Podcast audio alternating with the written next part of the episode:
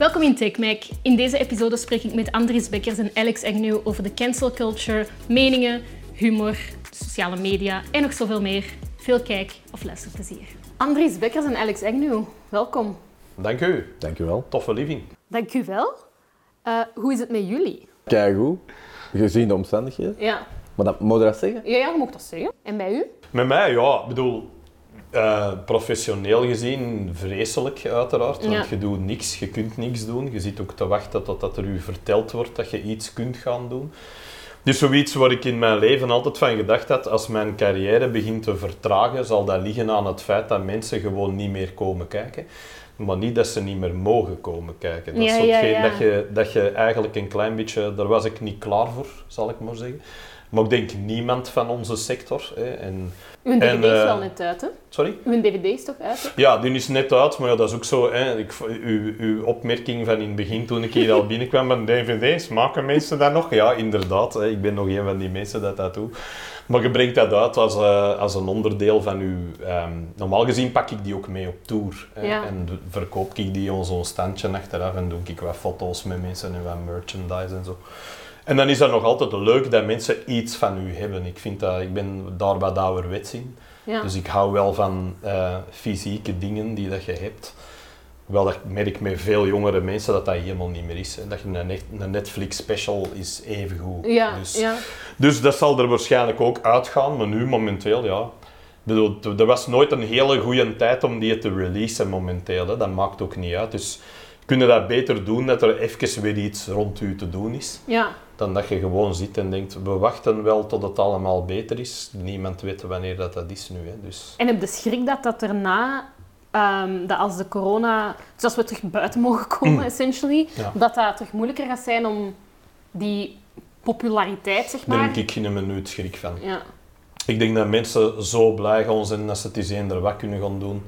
Dat, eh, ik merkte dat al, al bijvoorbeeld, er zijn een paar keren dat er wel iets gebeurd is. Hè.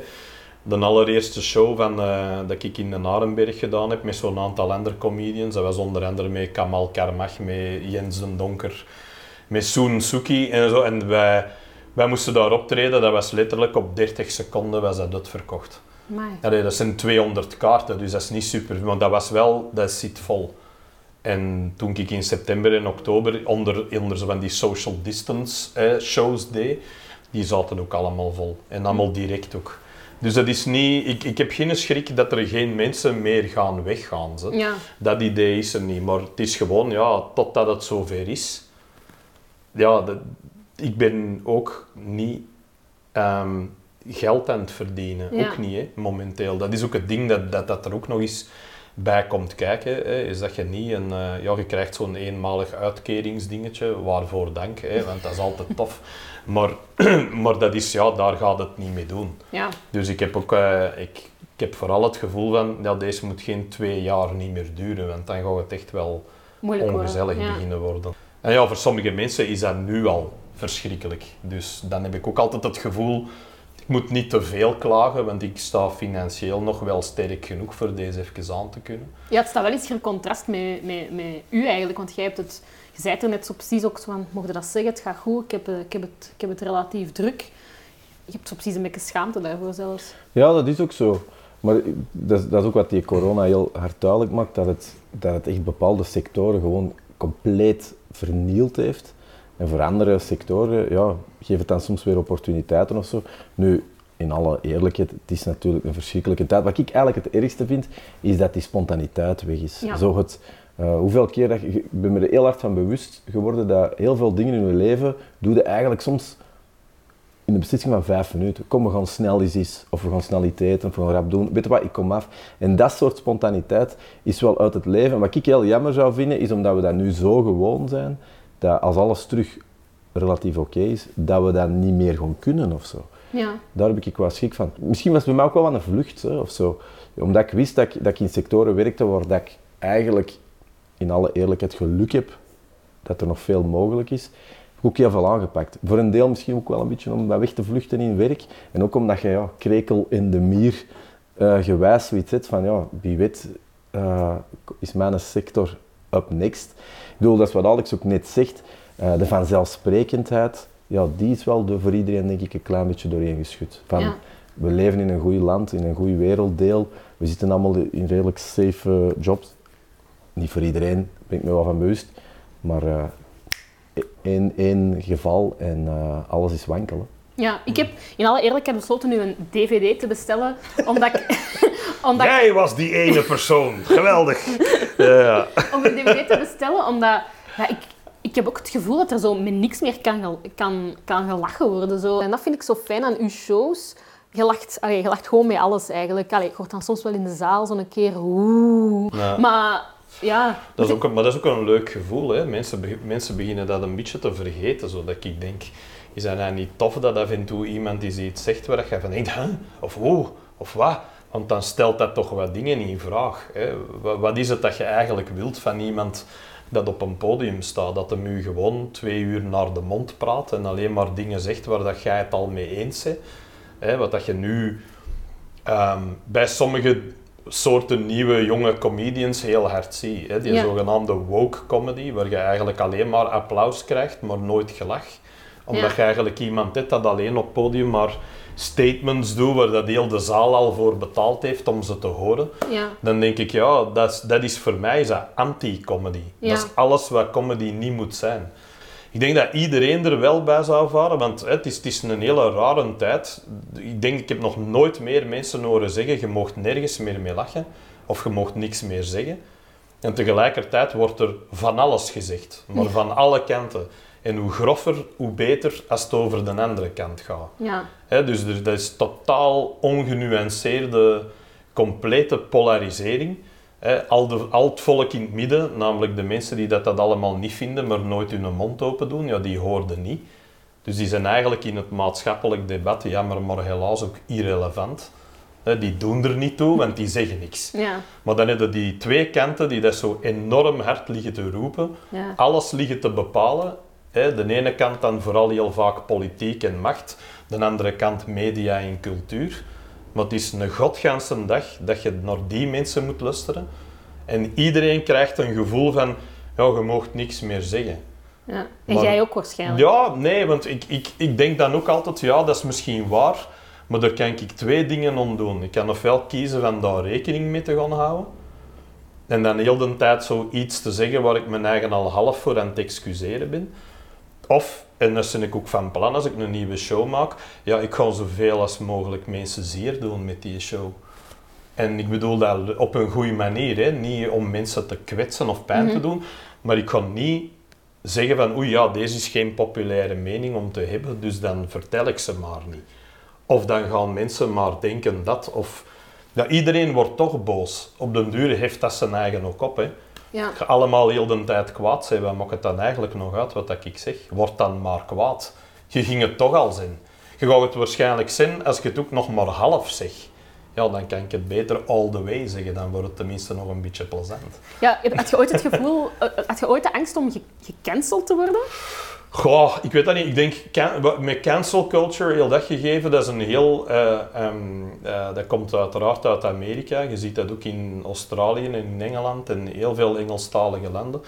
Hier, ik, ik, ik, ik hoop of ik wil nog een beetje vertrouwen op de half nuchtere Vlaming, die zo wel zegt van, ja, dat is misschien niet zo tof en je zult wel zo stemmen hebben die dat daar roepen, maar ik weet niet of dat, dat hier direct zo'n vaart gaat lopen als in Amerika. Dat weet ik niet. Ik weet niet of dat wij allemaal... Omdat een Vlaming laat zich ook niet graag zeggen wat dat hem moet vinden. Ja. Dus er is zoiets van een Vlaming dat dan altijd direct... Je merkt dat ook met Ja. corona. Hè. Zo, wij zijn altijd de mensen van de... Hè, de Nederlanders zijn directe confrontatie. Die worden kwaad, die gaan op straat, die beginnen dingen af te breken. Dat doen een Vlaming niet. Die ineens weet, ja, ja, zal wel, maar ik nodig toch drie mensen uit vanavond. Zo dat. Ja. dat is meer een Vlaming. Dus wij zijn, wij zijn een beetje non-conformisten, maar op zo'n beetje een slapjanusachtige manier.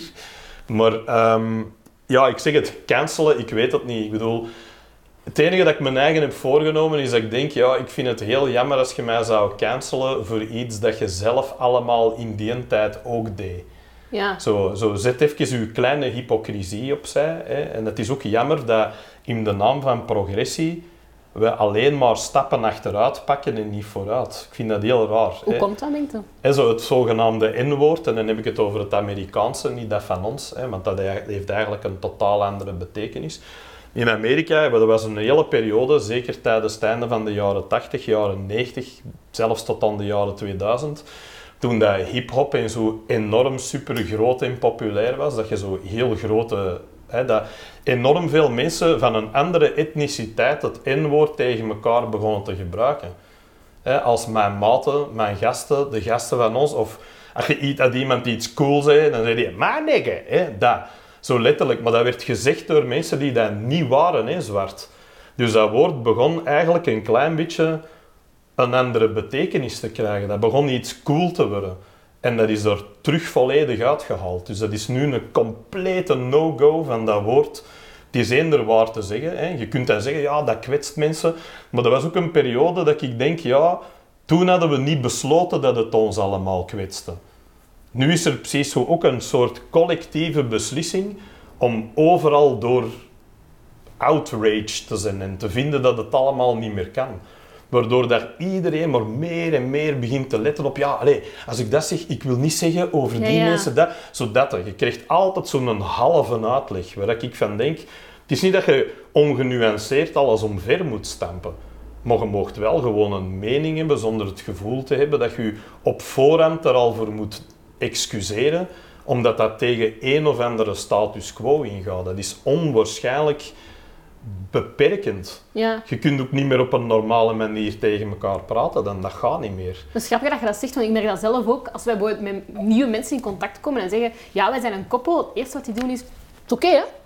Ja, en dat, maar, maar dat is ook niet slecht. Nee, nee, maar Dat is ook niet slecht, want dat bedoel ik. Als je daar al een punt van gaat maken, dan wordt alles een dat punt. is waar. Dat is En dat is gelijk dat, dat je, de, de Louis C.K. is zo'n fantastisch stuk dat hem zegt van ja, hè, ik heb mijn vooroordelen en zo dingen dat ik een zwarte dokter zie binnenwandelen, dat ik zeg, alright, good, good. Hè? Zo, maar dat is wel positief. Ja. Dat is iets dat mensen wel moeten veel. Want hetgeen dat nu direct gezegd wordt, ja, typisch hè. Ze, hè gewoon racisme, het zit in u. En dan denkt je, ja, maar het is niet wat er in u zit, het is wat dat je ermee doet. Hè. ja, dat is waar. Dat het belangrijkste is van allemaal. We, zijn- we hebben allemaal vooroordelen. Daar, daar staat geen huidskleur op, hè, op vooroordelen. Die hebben we allemaal. Maar wat doe je ermee? Hoe dat- ga je ermee om? Is het dan ook iets dat jij merkt? Want als, als presentator van Willy, eh, nuance, dat wordt steeds belangrijker. En ik vraag me dan af, is het dan niet uitdagender om, om programma's te maken? Of, of hoe zit dat juist in elkaar? Goh, ik ben dan sowieso iemand die van nature uit al genuanceerd is. Ik vind dat ook interessant, nuance. Uh, Ja. Ik zou ook willen dat er wat meer is. Ik vind ook in heel debat, vind ik langs beide kanten dat dat is. Wat radio betreft, ehm, het, het vrouwgegeven. Hè. Een artiest zoals Ryan Adams bijvoorbeeld. Hè. Iemand die, ja, waar heel veel mensen heel hard fan van waren. Maar die mens, ja, blijkt dan ook dat er een MeToo-kant van zijn verhaal zit. Dat soort dingen voel ik wel dat dat, je wel eens sneller daar een duiding bij geeft. Maar ik moet wel eerlijk zeggen, ik vind wel, ehm, als hij bijvoorbeeld, hij heeft een totaal andere positie daarin, hij pakt standpunten in, hij zit een beetje tussen die grens comedians en bekende figuur, maar hij is dat uiteraard veel, veel, veel, veel minder. Ik ben ook geen comedian, dus ik, voor mij is het ook makkelijker om dat te zijn. Goh, ja, ik, ik, ik, voel ook, ik voel me niet snel aangesproken. Ehm, ik, bij hem snap ik dat ook wel. Ik snap ook bij hem waar soms ook die... die want bij hem, wat, ik, wat ik wel heel interessant vind bij hem, is dat dat niet, niet meer vertrekt vanuit een... Ik kon hier eens tegen, op de barricade staan en tegen schenen stampen. Iets dat je misschien twintig jaar geleden... Ik voel bij hem ook echt pijn. Zo pijn naar die liefde voor dat vrije woord. Ehm, hey, pijn klinkt heel dramatisch, maar er zit wel iets in of zo. Terwijl, ik nuanceer dat heel hard. Ik vind, om heel eerlijk te zijn, uh, ik vind dat het vaak gekaapt wordt door mensen die er eigenlijk niks mee te maken hebben. Uh, ik, ze zegt vaak, ja, het, hij zegt terecht, het middelste gedeelte van de bevolking horen we niet. A, omdat ze het niet durven. Ja, voor een heel groot deel, omdat het ook niks interesseert. Mm. Heel veel, de Vlaming is iemand, als het een doorsnee Vlaming, wat is dat nog? Dat is een andere discussie. Boeit hem ook heel vaak niet. Dus ja, ik vind het ook vaak in discussie, en dat heb ik ook al vaak ook in de podcast gezegd, het is ook vaak een soort eye of the beholder moment discussie. Hier kan een oorlog ontstaan in bubbels, op Twitter. Uh, ik vind het ook ongelooflijk dat kranten vaak teneurs of opinies schrijven op basis van Twitter. Een tweet met 1500 likes en 2000 retweets, dat wordt als viraal beschouwd. Maar dat zijn onnozele getallen als het gaat over coronacijfers of de Vlaming in het algemeen. En ik, daarom dat ik ook vind dat we dat ook allemaal moeten nuanceren, ook de outrage en al die dingen. Het is vaak ook een momentding dat opgepikt wordt en vaak groter wordt gemaakt. Want van het moment dat we in een echte situatie komen, dat mensen elkaar echt tegenkomen, is er zelden een probleem. En van het moment dat je in een debat zit of in een genuanceerd gesprek, ja, dan heb je heel, eh, veel minder de neiging om onmiddellijk in overdrive te gaan. Want daar zijn we wel een klein beetje verslaafd aan het geraken, denk ik, aan die overdrive. Die excessen. Die excessen, die een outrage, die werkelijke onbeschoftheid. En dat is ook iets waarom dat ik nooit onbeschoft zal zijn uh, online of publiek. Dat is, doe niks wat geen tech ook niet zou doen. Dat is mijn, een van de weinige motto's of credo's waar ik op leef. Uh, daarom dat ook, als je ook eens iets slecht leest over jezelf, Twee regels. Het gaat niet om u. En ten tweede, whatever dat online gezegd wordt, zal nooit in het gezicht worden gezegd. Nooit. Ja, zelden toch. En ik vind, als je dat positief beschouwt, dan vind ik dat ik op een veel relaxtere manier door het leven ga. Ik word ook zelden beledigd als er is iemand iets slecht zegt over ons of zo. Want ik weet toch, dit is niks, hè. Jij, meent dit niet, hè.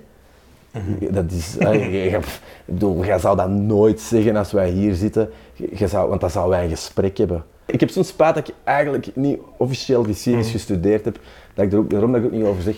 Maar wat ik wel heel hard merk als er verandering is, die is van alle tijden. Hè. Laten we eerlijk zijn, zo uniek zijn we, is al heel vaak gebeurd.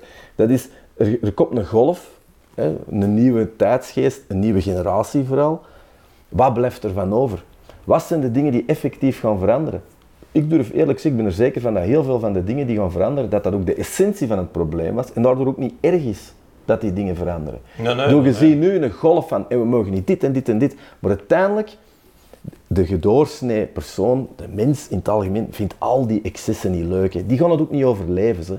Dat is af en toe een plaatselijke rel. Maar effectief, de dingen die wel misgaan in deze maatschappij, de discriminatie, het gebruik van bepaalde woorden, dat zijn de dingen die zullen veranderen. Maar was dat een probleem? Nee, maar we focussen ons in elke discussie wel over die excessen. Maar dat heeft geen schijn van kans. Sorry, als weer één iemand weer een van een tweet en nog meer eist en nog een belachelijk ding en TikTok en Monty Python en al die stuff, dat gaat niet overleven. Ze. Dan moeten ze echt iets gaan uithalen, en nuance, omdat daar de intentie niet slecht was. Ja, maar intentie begint er ook niet meer toe te doen, volgens uh, mensen die al wat, wat te veel te vertellen hebben. En dat ja, maar je houdt dat niet vol. Je houdt dat niet vol. Dat weet ik niet, man. Die, die, die er, is één verschil, er is één verschil tussen alles wat dat je gezegd hebt over de geschiedenis en nu.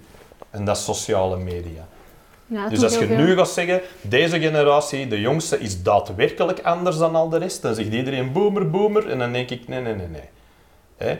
Als je ziet dat zelfmoorden bij jonge kinderen van tussen 10 en 15 en tussen 15 en 18 150% gestegen is in de laatste 10 jaar, dan gaan we niet klappen over iets dat we in de geschiedenis nog wel eens hebben meegemaakt.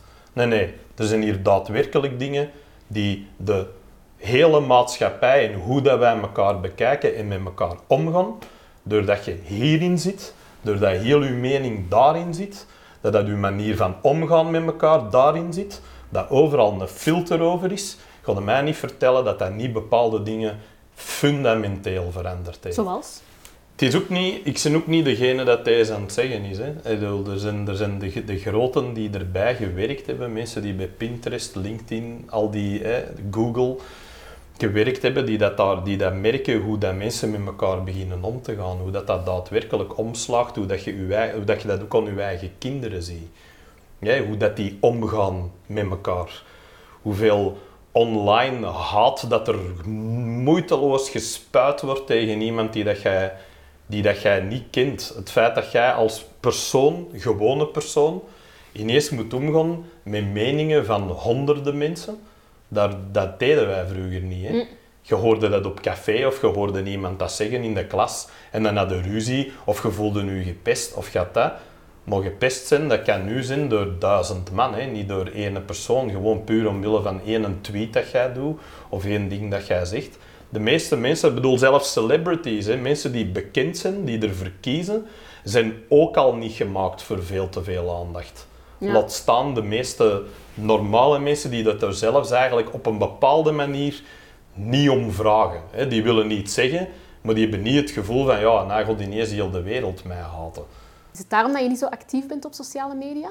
Ja, absoluut. Ik wil daar ook niks mee te maken hebben. Ja. Allee, in de zin van, ik, ik, ik, ik hoef dat ook allemaal niet te weten. Voor Ja. mij is dat goed. Vind van mij wat je wilt. Hè. Dat recht, hè, dat natuurlijk. Want het mooie aan het recht hè, op vrije meningsuiting is natuurlijk ook dat ik ook keihard fan ben van mensen die dingen zeggen die ik totaal, totaal het niet mee eens ben. Hè. Ik vind dat iedereen, het, maar dat is wel hetgeen, je moet elkaar dat allemaal wel laten.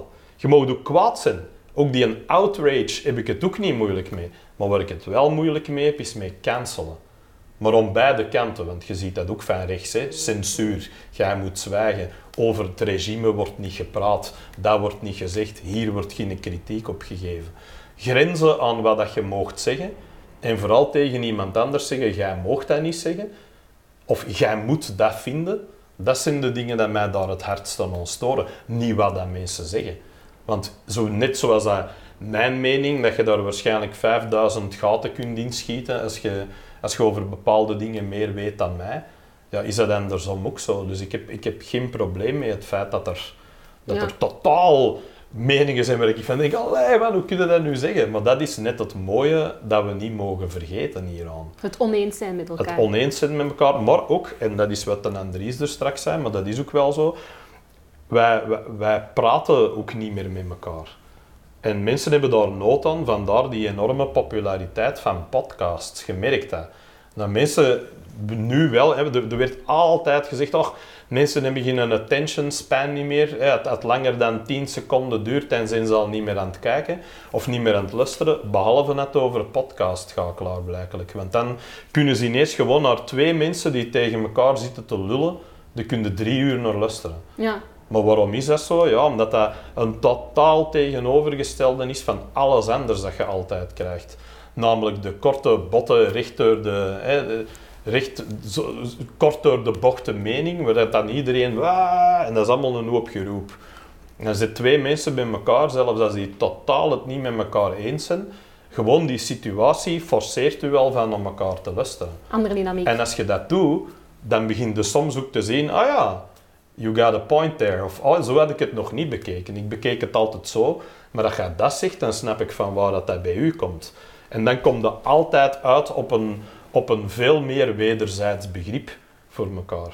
Maar de pijn waar dat hij het over heeft, van dat voel ik wel bij Alex, Ja. die is er wel dan. Ja, natuurlijk is die er. Omdat ik, ik heb meer... eh, Ik hoorde ja. die vraag en ik dacht, here we go. Nou ja, maar dat is ook zo. Dat is ook zo. En ik ga ook niet veranderen, want dat weiger ik ook van te doen. Dat zit ook in mij van te zeggen, ja, ja, ja, word allemaal maar kwaad. Ja. I don't care. Ja. Dat is de point. ja. Word kwaad, dat is uw recht. Want ik, ik, vind, ik vind het grappig dat mensen zeggen, Alex Engnu, die is softer geworden, maar je bent ook gewoon veranderd als persoon. Dus je hebt je niet noodzakelijk aangepast aan het, per se aan de, de maatschappelijke roep, zeg maar, maar ook gewoon... Ja, wie was dat? Mohammed Ali, denk ik, dat ooit de uitspraak deed. If someone is the same at 50 as they were at 20, they've wasted 30 years of their life. Ja. Dat is wel min of meer een beetje wat dat, dat is. Hè. Je, tuurlijk veranderde als persoon. Tuurlijk, hè, mijn hele ding dat ik over het, over het N-woord er straks, hè, ik haat dat al van net te zeggen, maar goed. Hè, omdat ik denk, noem- noemt een woord een woord, een woord is een woord, een woord gaat er niet van dood. Ja. De intentie is wat, dat, wat dat belangrijk is, niet dat woord. Maar dit terzijde. Tuurlijk weet ik dat dat zwarte mensen pijn doet, dus gewoon ik dat dan Nee, zeggen. nee. Puur en alleen om, om wat? Proving a point Ja. om hier de coole te zijn, die zijn eigen, dat bedoel ik niet. Mijn punt is nooit dat. Mijn punt is altijd, ik zal ik wel beslissen om dat woord niet te zeggen, omdat ik, ik heb dat ook zelf beslist. Ja. Ik heb ook zelf gezegd, ja, dat is eigenlijk niet cool, want ik ken mensen die zwart zijn, die zeggen, ja, wij vinden dat echt een vervelend woord. Ja. Dan denk je, ja, ik kan u ook op duizenden manieren beledigen zonder dat ik over uw huidskleur bezig moet zijn. Zo, oh, ik ben daar heel creatief in. Geef mij gewoon wat tijd en ik doe u met zoveel pijn waar je mij eigenlijk niet op kunt pakken. Wat ook veel plezanter is, want je moet veel creatiever Ja. zijn. Hè? Dan gewoon maar iemand een vreselijk woord te noemen en punt, je hebt het al gedaan. Ja. Maar, maar het ding is, wat ik, wat ik niet kan verdragen, is dat, dat, dat... Twee dingen. Jij moet dat vinden en jij moogt dat niet vinden. En dan denk ik, eh, nee, nee, ik moet niks en ik mag wat dat ik wil. Ik zal er de gevolgen voor moeten dragen. Dat zijn de mensen worden kwaad, je moet ermee in discussie, ruzie, al die shit.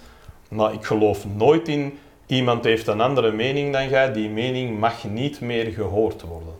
Dat is ook een recipe for disaster, sowieso.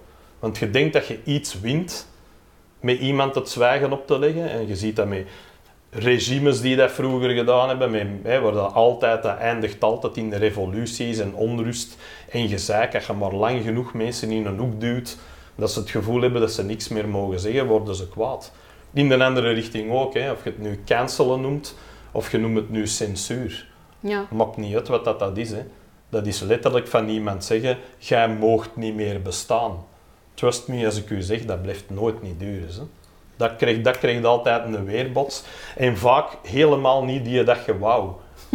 Allee, als je zei van, ja, de- zie je, nu horen we die mening niet meer. Ja, maar die, die zit daar zo als een zweer zo wat Te etteren. op te etteren totdat die ontploft op een veel vreselijkere manier dan dat het ooit geweest zou zijn als je dat gewoon had laten gebeuren. Ja, ja, dat is waar. Maar jullie hebben ook allebei, eh, jullie ervaren dus deze periode allebei anders. Ehm denk je dat je hier anders gaat uitkomen? Ik denk dat het, eh, het belangrijkste in het leven, wat mij betreft, is structuur. Wat die structuur ook is, of dat dat uw werk is, of dat dat een gezinssituatie, vrienden of zo is. En die structuur staat onder druk. Maar ik denk wel dat ehm, heel wat mensen voor corona ook al wel niet stabiel stonden. Eh, maar wij leven in een maatschappij en daar zijn we, mogen we allemaal wel heel dankbaar voor zijn. hè. We hebben toch die loterij gewonnen door hier geboren te worden. Dat je met een slechte structuur toch leven aan kunt. Dat je, dat je voort kunt. Zowel op sociaal vlak als op financieel vlak. Corona heeft dat even, eh, on, eh, door elkaar geschud. En de mensen die het moeilijk hadden, die hebben het nu heel, heel moeilijk. En ik denk dat het vooral, en dat hoop ik, dat iedereen er toch uitkomt en beseft van, ah, als puntje bij paaltje komt. Hè, want laten we eerlijk zijn, kunnen we voorstellen, ik bedoel, mijn echtgenote geeft les aan vluchtelingen, oorlogsslachtoffers en zo.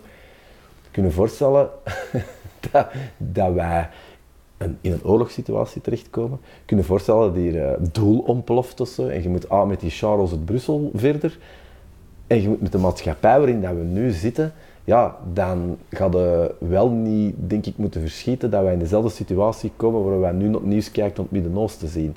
Ik denk dat we wel gebuist zijn als mensen, hè, in de zin van, als het echt een probleem is, ja, dan zijn we toch wel niet voor, op alles voorzien of zo. Eh, en ik hoop dat dat de les wel is, dat je, als je al zwak stond, dat je zeker nadien hulp zoekt, dat je je eigen in vraag stelt. Ik denk dat heel weinig mensen zichzelf in vraag stellen. Ik denk dat dat ook echt wel... ehm, ja, ik zie een heel... Ik, je voelt ook als je ouder wordt, misschien dat jij dat ook merkt, je praat met mensen, heel veel mensen maken zichzelf wel wijs. En corona heeft op dat vlak, denk ik, die filter wel even weggepakt. Zoals ik er straks ook zei, overal een filter over. Hè. Ja. My life is awesome. Ja. Maar ook omgekeerd, omgekeerd. Ja. Je gebeurt iets en we hebben vangnetten. En dat is goed, hè. daar hebben we ook allemaal voor gewerkt. Allee, en zeker de mensen voor ons en zo. En ik denk dat je op dat vlak ook wel een klein beetje soms de, de, de generatie eh, bot die je nu heel hard voelt, in moet zien of zo. We nemen veel vanzelfsprekend. Ik doe dat ook, hè. Ik vind het ook maar normaal dat, dat alles klopt en, en, dat, en dat we hier de luxe hebben om in een heel mooi huis te praten, te praten over het leven. Nou, dat je vrede hebt. Ja, voor sommige mensen is dat niet. Hè. Ja. Wij blijven ook altijd denken dat dat ons nooit meer gaat overkomen. Dat is zo dat ding dat wij, wij zijn dat gepasseerd. Ja. Terwijl je praat met een Amerikaan, hè, of je hoort die bezig, er, er zijn heel veel mensen die daar het gevoel hebben van wij zijn nog een paar verkeerde stappen verwijderd van volledig in een burgeroorlog te zitten. En heel veel mensen denken altijd maar, allee, wij zijn het Westen daar. Dat relativeerde toch weg. We moeten maar, dat is altijd een domino. Hè. Je ziet dat ook voor wereldoorlogen of voor grote oorlogen. Dat is altijd een opeenvolging van een hoop kleine situaties en een hoop grote situaties worden. En denk als je in corona nu ziet, nou, wat ga ook er juist zijn, maar wij hebben heel veel mensen, zeker in onze, in, in onze wereld gelijk dat we hem nu hebben gecreëerd. En dan heb ik het alleen nog maar over onze westerse wereld, hè, waar ik wel over kan meespreken. Ik woon niet in Iran of zo, dus ik weet niet hoe dat, hoe dat het is om daarop te groeien. Maar als je deze ziet, ja, wij, wij hebben enorm veel mentale problemen. Er zijn enorm, zeker bij jongeren beginnen dat meer en meer te zien. Wordt ook meer en meer gezegd. Hè. En je voelt dat ook. En door COVID, door corona, door die isolatie, heb je ook alleen maar tijd om daarmee bezig te zijn. Je voelt dat nu ook ineens. Mensen die jarenlang het zo wel net konden redden altijd, dat die nu niks meer hebben om zich aan vast te houden. Dus die zitten in dat shit, wij moeten hier... Corona is geen, is geen oorzaak, hè. corona is een blootlegger. Hè. Ja. Heel hard. Natuurlijk, met heel veel respect gezegd voor mensen die iemand verloren zijn door corona. Laat dat duidelijk zijn. Er zijn mensen waar corona wel een oorzaak van miserie voor was, natuurlijk. Maar als je het heel globaal beschouwt, ja, allee, denk ik zeker voor, voor, voor onze generatie, en die is hè, nu wel heel groot, mensen die het meegemaakt hebben, bewust, ja, het is uh, de, toch wel de reality check, denk ik, uh, van uw leven op dit moment. Ja, je zegt ook uh, mentale problemen. Heb je zo, zijn er bij u dingen naar boven gekomen de afgelopen maanden? Omdat je, ja, het goede het goeie bij mij is, ik heb na een comedy. En na een comedy, dat is voor mij heel mijn leven lang eigenlijk hetgeen dat in mij zit, vaak ook het ergste, dat je eruit kunt halen. Dat je kunt zeggen, oh, oh, ik gooi dat eruit. Wat ik vooral voel met, met dit nu, met corona, is dat ik met van alles zit dat ik niet kan verwerken nu momenteel. Zoals? Omdat, omdat ik dat verwerk, nee, alle kwaadheid over van alles, over vrije meningsuiting, over, over woke aan de ene kant, over alt-right aan de andere kant, over dit, over dat, over al die dingen waar je iets over wilt zeggen. Hè. Het feit dat dat, natuurlijk, want dat is ook zo, vaak als je in een bepaalde mindset zit, hè, dat heb ik altijd als ik een show wil gaan maken en ik weet ongeveer waarover dat wilt gaan, dan heb ik zo'n soort mindset, maar als je in die mindset zit, dat, is een beetje te vergelijken met dat je een, eh, een nieuwe auto gaat kopen en dat is een Tesla en jij rijdt nog met je oude auto rond en jij ziet ineens overal Tesla's. En ineens zie je die allemaal rijden. Je ziet, oh daar is er een, oh daar ook nog, daar, want, want jij gaat die kopen. Dat is hetzelfde. Als je iets gaat maken en dat gaat daarover, dan zie je dat ook overal. Dus het is ook niet altijd het soort, uh, je moet het zien om het te geloven, maar vaak als je het gelooft, zie je het ook. Dus dat zijn ook de dingen die, die hè, dat is heel dubbel. Maar meestal heb ik dan, als ik zo wat te serieus begin te worden in een mening ergens over, dan heb ik try-outs, dan heb ik comedy. En als je comedy maakt zoals het is, namelijk als mensen echt keihard ermee moeten lachen, dan heb je eigen er altijd boven gezet, boven die situatie. Dan zit je er niet meer in, maar dan heb je ook je eigen onnozele kant daarin gezien. Waardoor dat je dat relativeert, waardoor dat je heel de zaak relativeert. Want dat is uiteindelijk waar comedy echt over gaat. Hè? Over dingen relativeren. En zelfrelativering. En uzelf. Maar ja, je kunt ook niks relativeren als je je eigen niet relativeert. Dan is het sowieso al om zeep, want dan denkt jij dat alles wat jij zegt waar is. Is dat niet de basis van het probleem ook nu? Gewoon dat mensen zichzelf niet meer kunnen relativeren? Waarschijnlijk. En daar hebben mij voor. Hè. Want hè, dat, is, dat is mijn job. Dat is, hè, dat is nu heel pretentieus, maar ik bedoel gewoon daar hebben mensen gelijk, hè, zo mensen die in een toffe column schrijven of een grappige meme of humor is alles. Hè. Ik, ik ga niet zeggen, nee, het is alleen iemand met een micro, zo, dat is niet. We hebben al lang gemerkt dat er hè, dat, dat heel veel jonge mensen naar in, iemand online kijken of naar memes of naar hè, memes van staddansaar of Lamingen of dingen als, als, als, Average Rob of noem dat allemaal maar op. Mensen die gewoon zo iets doen waardoor mensen even zo, haha, ja, eigenlijk wel. Hè, zo dat. Maar dat is enorm genezend. Hè? Niet alleen voor andere mensen, maar ook voor mij, wanneer ik dat doe. En als ik dat niet heb, wat dat nu zo is, dan blijf je daar allemaal mee zitten met al die shit. En hoe langer dat je ermee zit, hoe erger dat, dat wordt. Tot op den duur dat je je eigen ook dingen hoort zeggen waarvan dat je zelf denkt, ja, meende je dat nu eigenlijk zelf? Of zeg je gewoon maar pist? so, are, are, you just pissed off? En is dat het? En ik heb um, weinig filter als ik pist ben. Hey, I, don't. I, don't, I don't care, hè, dan, op dat moment. Maar achteraf wel. Ja. Als ik er dan over nadenk, dan denk ik, oh, hadden dat nou weer moeten zeggen? Maar het schone wel is, als je echt gelooft in vrije meningsuiting, ja, dan hadden dat moeten zeggen. Krijg je er shit voor, dat hoort erbij. Hè, je, moet, je, moet, je kunt niet verwachten dat je iets gaat zeggen waar je van weet dat bepaalde mensen daar boos van gaan worden en dan kei verontwaardigd reageren als iemand boos wordt. It doesn't work like that. Hè. Ja, ja. Als ik, als ik daar bij de pijnlijke plek wil duwen bij u, dan moet jij terugduwen bij mij. Hè. Ja. Dat is het volste recht, vind ik. Dus outrage, geen problemen mee zijn, maar zo outraged als dat je wilt. Heb je niet ergens de, de ja, schrik, zeg maar, dat dat bij u ook een... Allee, je zegt van, het moet ook niet meer te lang duren, dat het allemaal zo'n beetje aan het, opborrelen- dat het allemaal zo aan het opstapelen is? Maar is er hier een goede vraag aan het stellen, zeg? Dat weet ik niet, dat weet ik niet. Ik weet niet, hij heeft er misschien schrik van omdat hij met mij moet leven. Dus die gaat eerder zoiets hebben van, ah, dat hij maar al rap terug even... Ja. eh. Maar ik denk, ik denk ook, allee, wat dat wij wel hebben, wij zijn, wij zijn heel goede vrienden. Hè. Wij kennen elkaar heel goed, we hebben elkaar ook al in enorm veel verschillende situaties meegemokt. Ik heb dat ook nodig, zeg, iemand gelijk hem. Die zo dingen zegt waarvan ik denk, ja, eigenlijk heb je wel gelijk. Hè. En als Ja. ik dan kwaad ben, op het moment zelf geef ik die ook nooit gelijk. Hè. dan is dat ook allemaal niet waar. Maar achteraf denk je, nee, maar je moet die een input wel hebben. Je moet wel die een input hebben. Gelijk dat hij soms, hè, nu, de mode mij tegenspreken als je wilt, die neemt mij soms nodig om te zeggen, fuck it. Fuck it wat dat die denkt. Fuck it wat dat die zegt. Doen. Gaan. Pak het. Shut up. Niet, niet iedereen dat een mening heeft is belangrijk. Ook ik niet, hè. helemaal niet. Ik kan het alleen beter uitleggen dan de meeste mensen. Dat is, een, dat is een groot verschil. En meestal is het funny, moeten mensen lachen. Maar als het niet meer funny is, als ik zelf begin te voelen van het is alleen nog maar rage en kwaad en ambetant en ja, die uitlaatklep moet wel ergens eruit, ja. Ja. En daarom zeg ik, ik vooral waarschijnlijk, eh, het moet hier geen twee jaar niet meer duren. En is dat bij u meer verdriet of meer agressie dan dat jij voelt? Of hoe Ja, maar je verdriet manifesteert zijn eigen altijd in agressie bij mij. Dat is ook verdriet. Hè. Ja. Dat is altijd pijn of verdriet, hè. alles. Hè.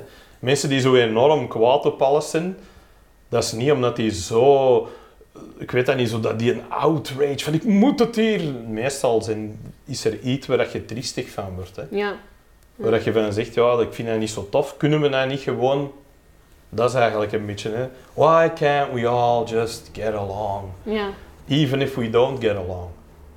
Je kunt zelfs nog zeggen, hè, dat, dat is toch een mooi, mooie uitspraak. Agree to disagree. Letterlijk dat je samen zit en zegt, ja, daar, daar en niet, ik en daar ga je niet. Ik vind dat een heel mooie uitspraak, maar ik vraag me altijd wel af of dat, dat effectief ooit is. Ja, dat is, eh, dat is wel als je tegen elkaar babbelt. Ja. Dan wel. En Ja. zoals ik er straks al zei, hè, ik, sorry, hè, ik zal de USB eh, laten gaan. Dat ding van, van sociale media, je moet dat echt niet onderschatten. Hè. Dat, de manier waarop die, dat, die een afstand die je voor je eigen creëert om iemand uit te schijten, op den duur, dat je dat lang genoeg blijft doen, heb ook het gevoel dat je in het dagelijks leven zo doet. Maar wel nooit in een confrontatie van ik sta voor u en ik kan niet weg. Nee, nee, dat is van het nonotto. Hé, hey, Jeannette, ga ik het niet aanzeggen? Brrr, hè. Zo dat, dat wel. Zo, zolang dat je maar op, een, op heel walgelijk kunt zijn, van op je fiets naar een automobilist, of van, maar er moet altijd wel die ene filter tussen Ja. zitten dat hem niet hier staat. Ja. Want dan is het meestal voor 90% van de mensen gedaan. Ja. En voor degene waar dat niet gedaan is, loopt daarvan weg. Je moet daarover, gera- dat die- je moet dat echt beginnen relativeren. Als je alles kunt relativeren, moet je dat zeker relativeren. Sociale media hebben ook van schoon dingen gedaan. De contacten dat je hebt, dat gaan ze uit de snelheid waarmee dat je zelf van alles kunt doen. Dus ik vind het ook allemaal... Het, is, het zeker zijn nadelen dat de wereld heel hard verandert. Gelijk dat boekdrukkunst, dat waarschijnlijk in een tijd zullen er ook eh, nadelen aan geweest zijn. Ja, ik, ik denk zolang dat je met mensen gaat zitten, ga je altijd negat Negativiteit is voor het op, ligt voor het oprapen. Ligt er gewoon. Is, eh, komt naar je toe. Het is veel moeilijker om, om, de, om de toffe dingen te zien en die ook echt te, te, te respecteren. Want daar zijn we ook heel goed in. Hè. Iets dat cool is en vanzelf gaat, dat zijn we direct vergeten. Wat er gemakkelijk is op sociale media, dat vinden we normaal. Ja, goed. Maar dat dat zijn is- onze hersenen ook. Hè. Wij onthouden alles wat negatief is, wordt, is gewoon Maar ik, en ik Dat ben er- mijn job ook leuk ja. natuurlijk. Dat is allemaal funny. Hè? Ja. Negativiteit is grappiger dan positiviteit. Het is allemaal goed. Dat is geen, dat is geen show. Nee, voilà. Dus dat is ook wat dat, dat is natuurlijk. Dat Maar er zit- is wel een verschil, verschil of dat je een show maakt of dat leven. Dit is, het spreekt ook een beetje over het leven. En ik, ik, ik vind toch soms... Ik heb het soms echt al gehad met de negativiteit. Ik heb ook het een goede atoomboom, jongen, en we zijn er Ja. vanaf. Dat vind ik Ja. van die negativiteit. Die, ja, Die pandemie is gewoon niet sterk genoeg. Hè? ja, dat is waar. Jullie hebben ook allebei kinderen. Uw dochter is 12 en die van u? Des. Ja.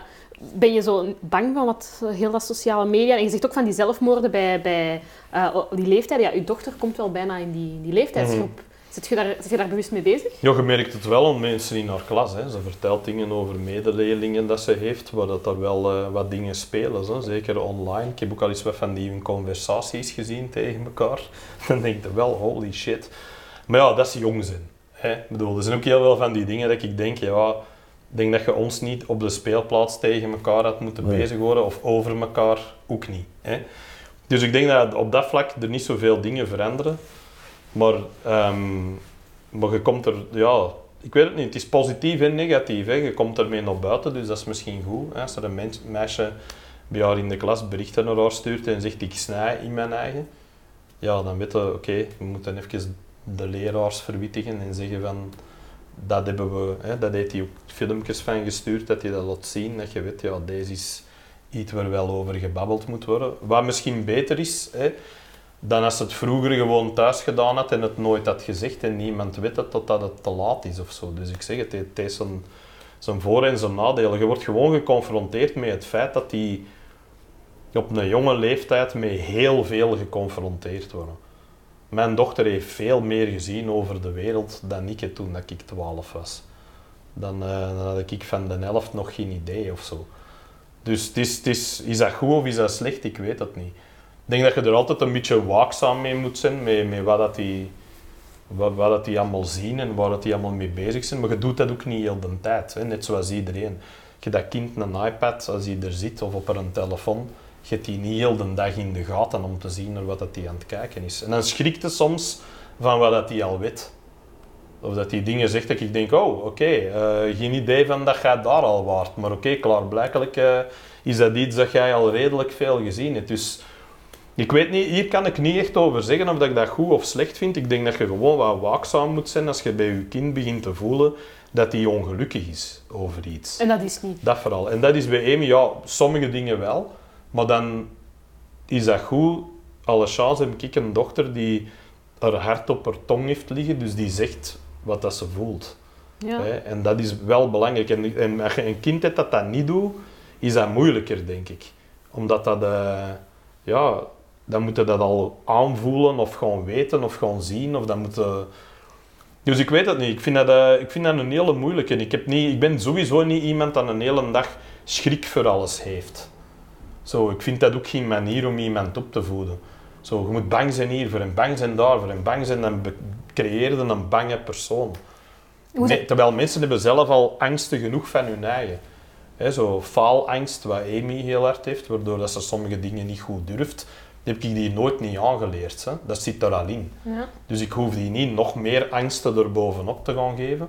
Je zegt alleen, zeg voorzichtig en doe dat. En als je met de fiets rijdt, kijk dat en gaat er niet vanuit dat de auto u gezien heeft. Zo dat soort dingen. Je probeert een beetje common sense mee te geven aan je, aan uw kind. Het is niet, jij zit op een fiets, dus de auto moet u maar gezien hebben. Nee, nee. Gaat ervan uit dat hij u niet heeft gezien. Dan leefde langer. Hè? Dat, zijn zo, dat zijn een aantal van die dingen, maar verder, ja, ik weet het niet. En hoe is dat bij uw dochter? Ik heb niet zo'n enorme angst voor sociale media. Om de simpele reden dat dat ook niet veel zin heeft, denk ik, want dat verandert zo snel. En het grote verschil is, die generatie heeft nooit anders geweten. En ik ben ook op dat vlak... Ik, vroeger hadden wij ook gevaren. Die waren anders. Eh, sociale media hadden een grote impact, maar toen waren er ook dingen. Maar je, je hebt wel de neiging om heel snel te vergeten wat toen een impact had. Eh, Dat waren misschien dingen waar je nu over zegt, maar dat is toch niet te vergelijken. Toen was dat ook, eh, was dat ook straf. Eh, De Dutroux-affaire was bijvoorbeeld voor ons iets dat heel veel deed.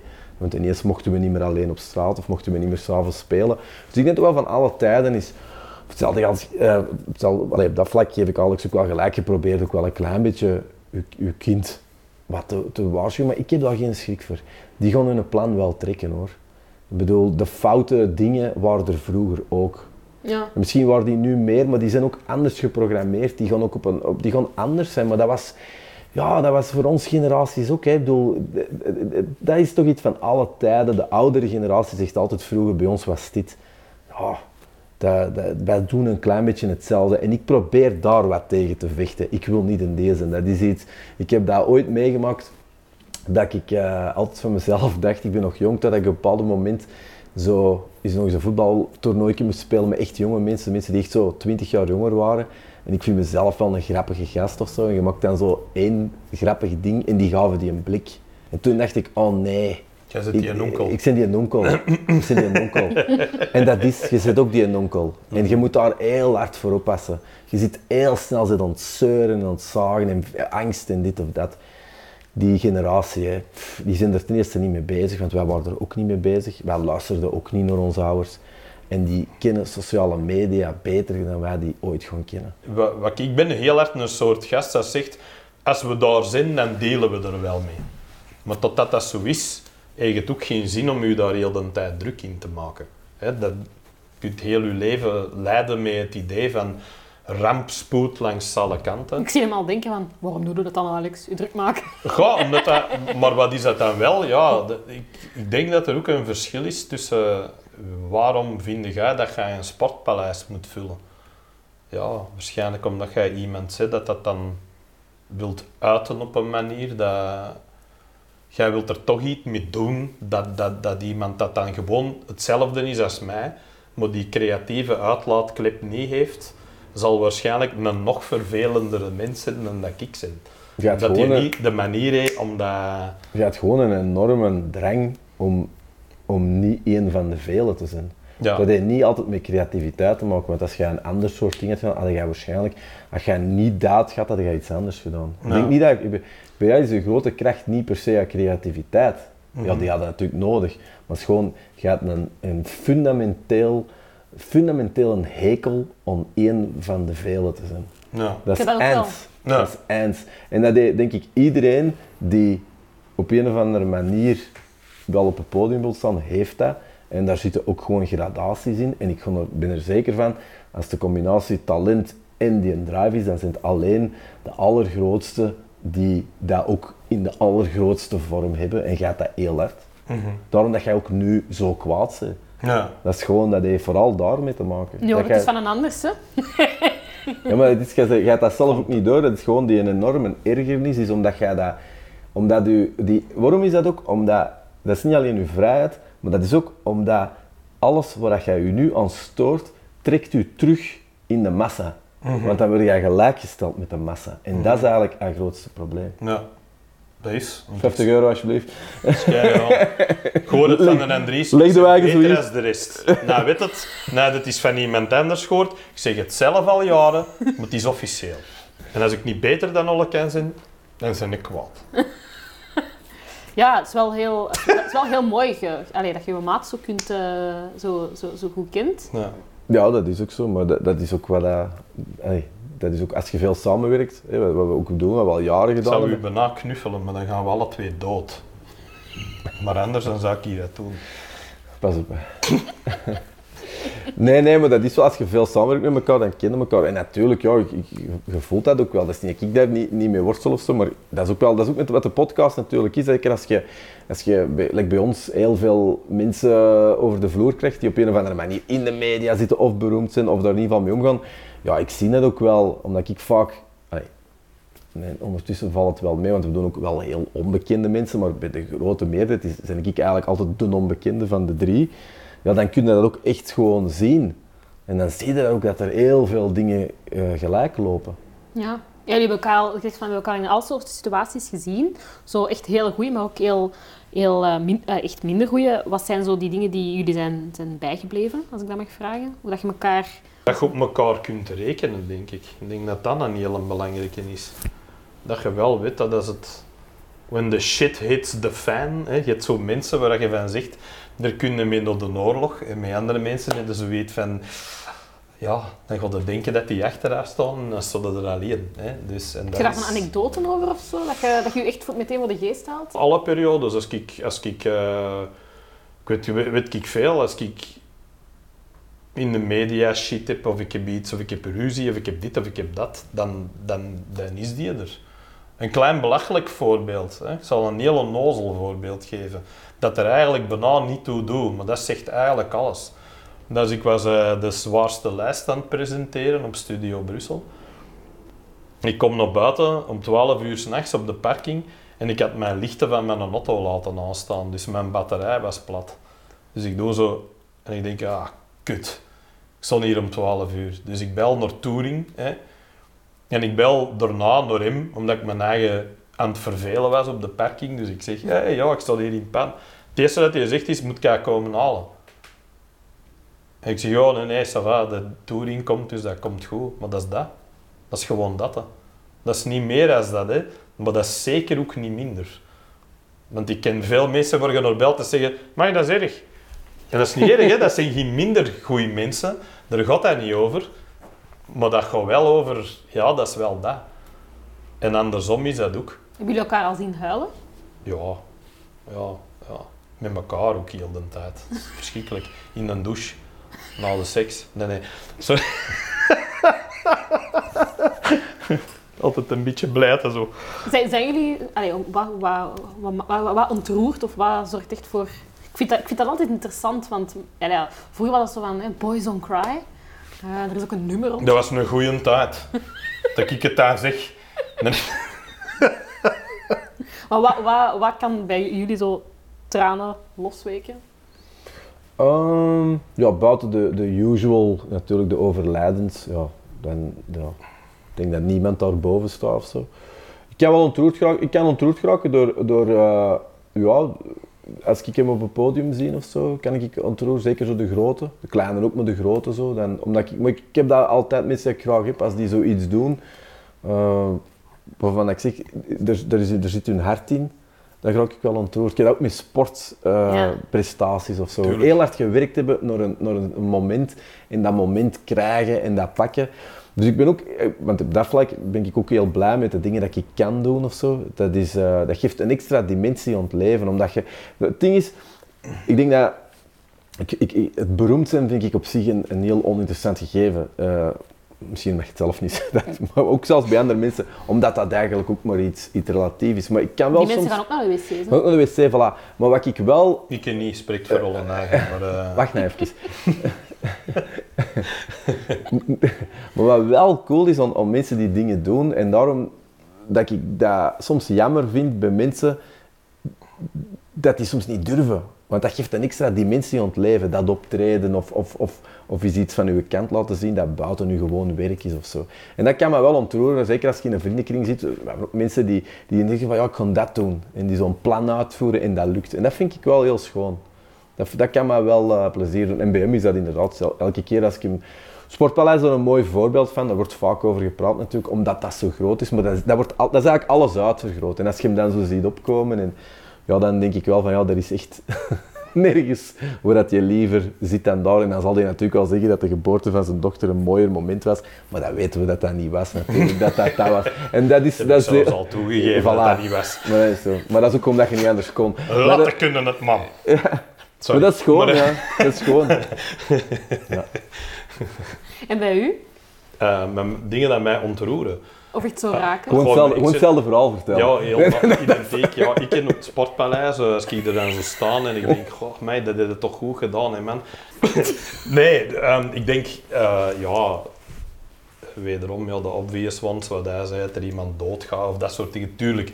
Maar als je, als je ja, ik weet dat niet, ik, ben, ik, ik huil wel raps, hè. Met, ja, met heel veel zo, de- zo Disney-tekenfilmpjes en... en en zo sentimentele nonsens heeft mij ook altijd, of een of andere een heroïsche speech, zo, zo zelfs dingen die op zich niet, niet enorm ehm, ontroerend misschien zijn op het eerste zicht, maar dat dat voor mij dat wel geeft.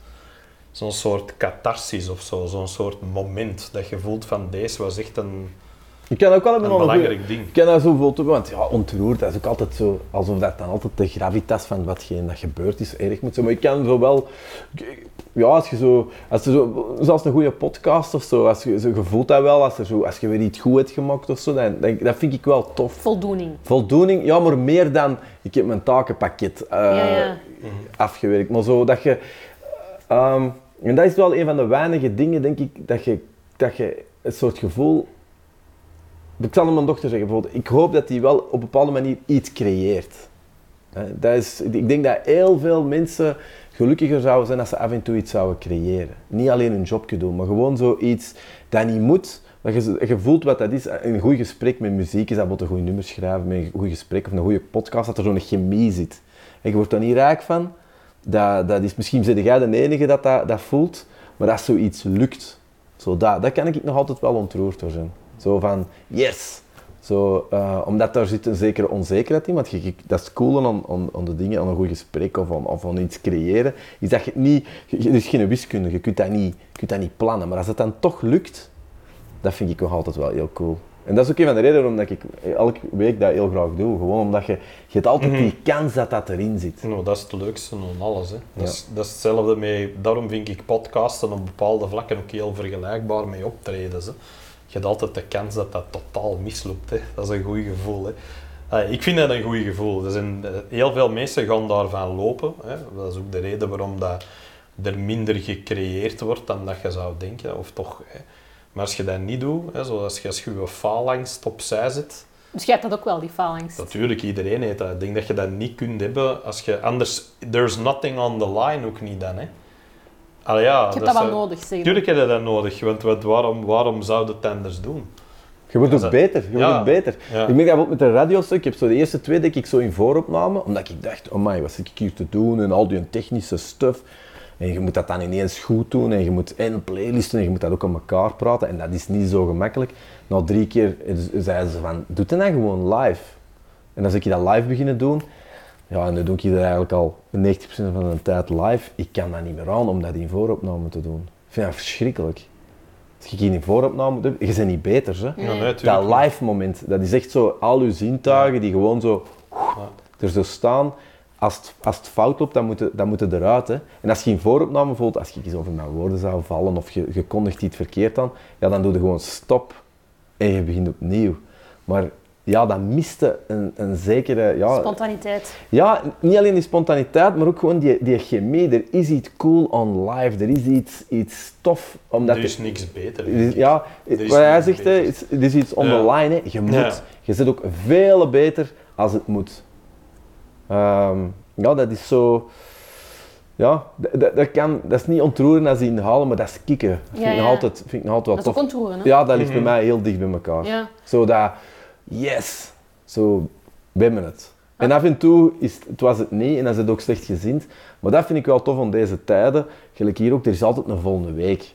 Er is altijd, eh, in, een, in een seizoen is dat ook als je veel, sporters hebben dat ook, hè, als je, zeker als je in competitie zit. Hey, het was slecht vandaag, maar volgende week hebben we terug een kans. En dat was bijvoorbeeld iets, als je muziek maakte, dat, dat stoorde mij enorm. Het was een heel lang wel een band gehad, waarin dat je eigenlijk drie jaar toewerkte naar een plaat. Die kwam uit en dan was het eigenlijk al voorbij.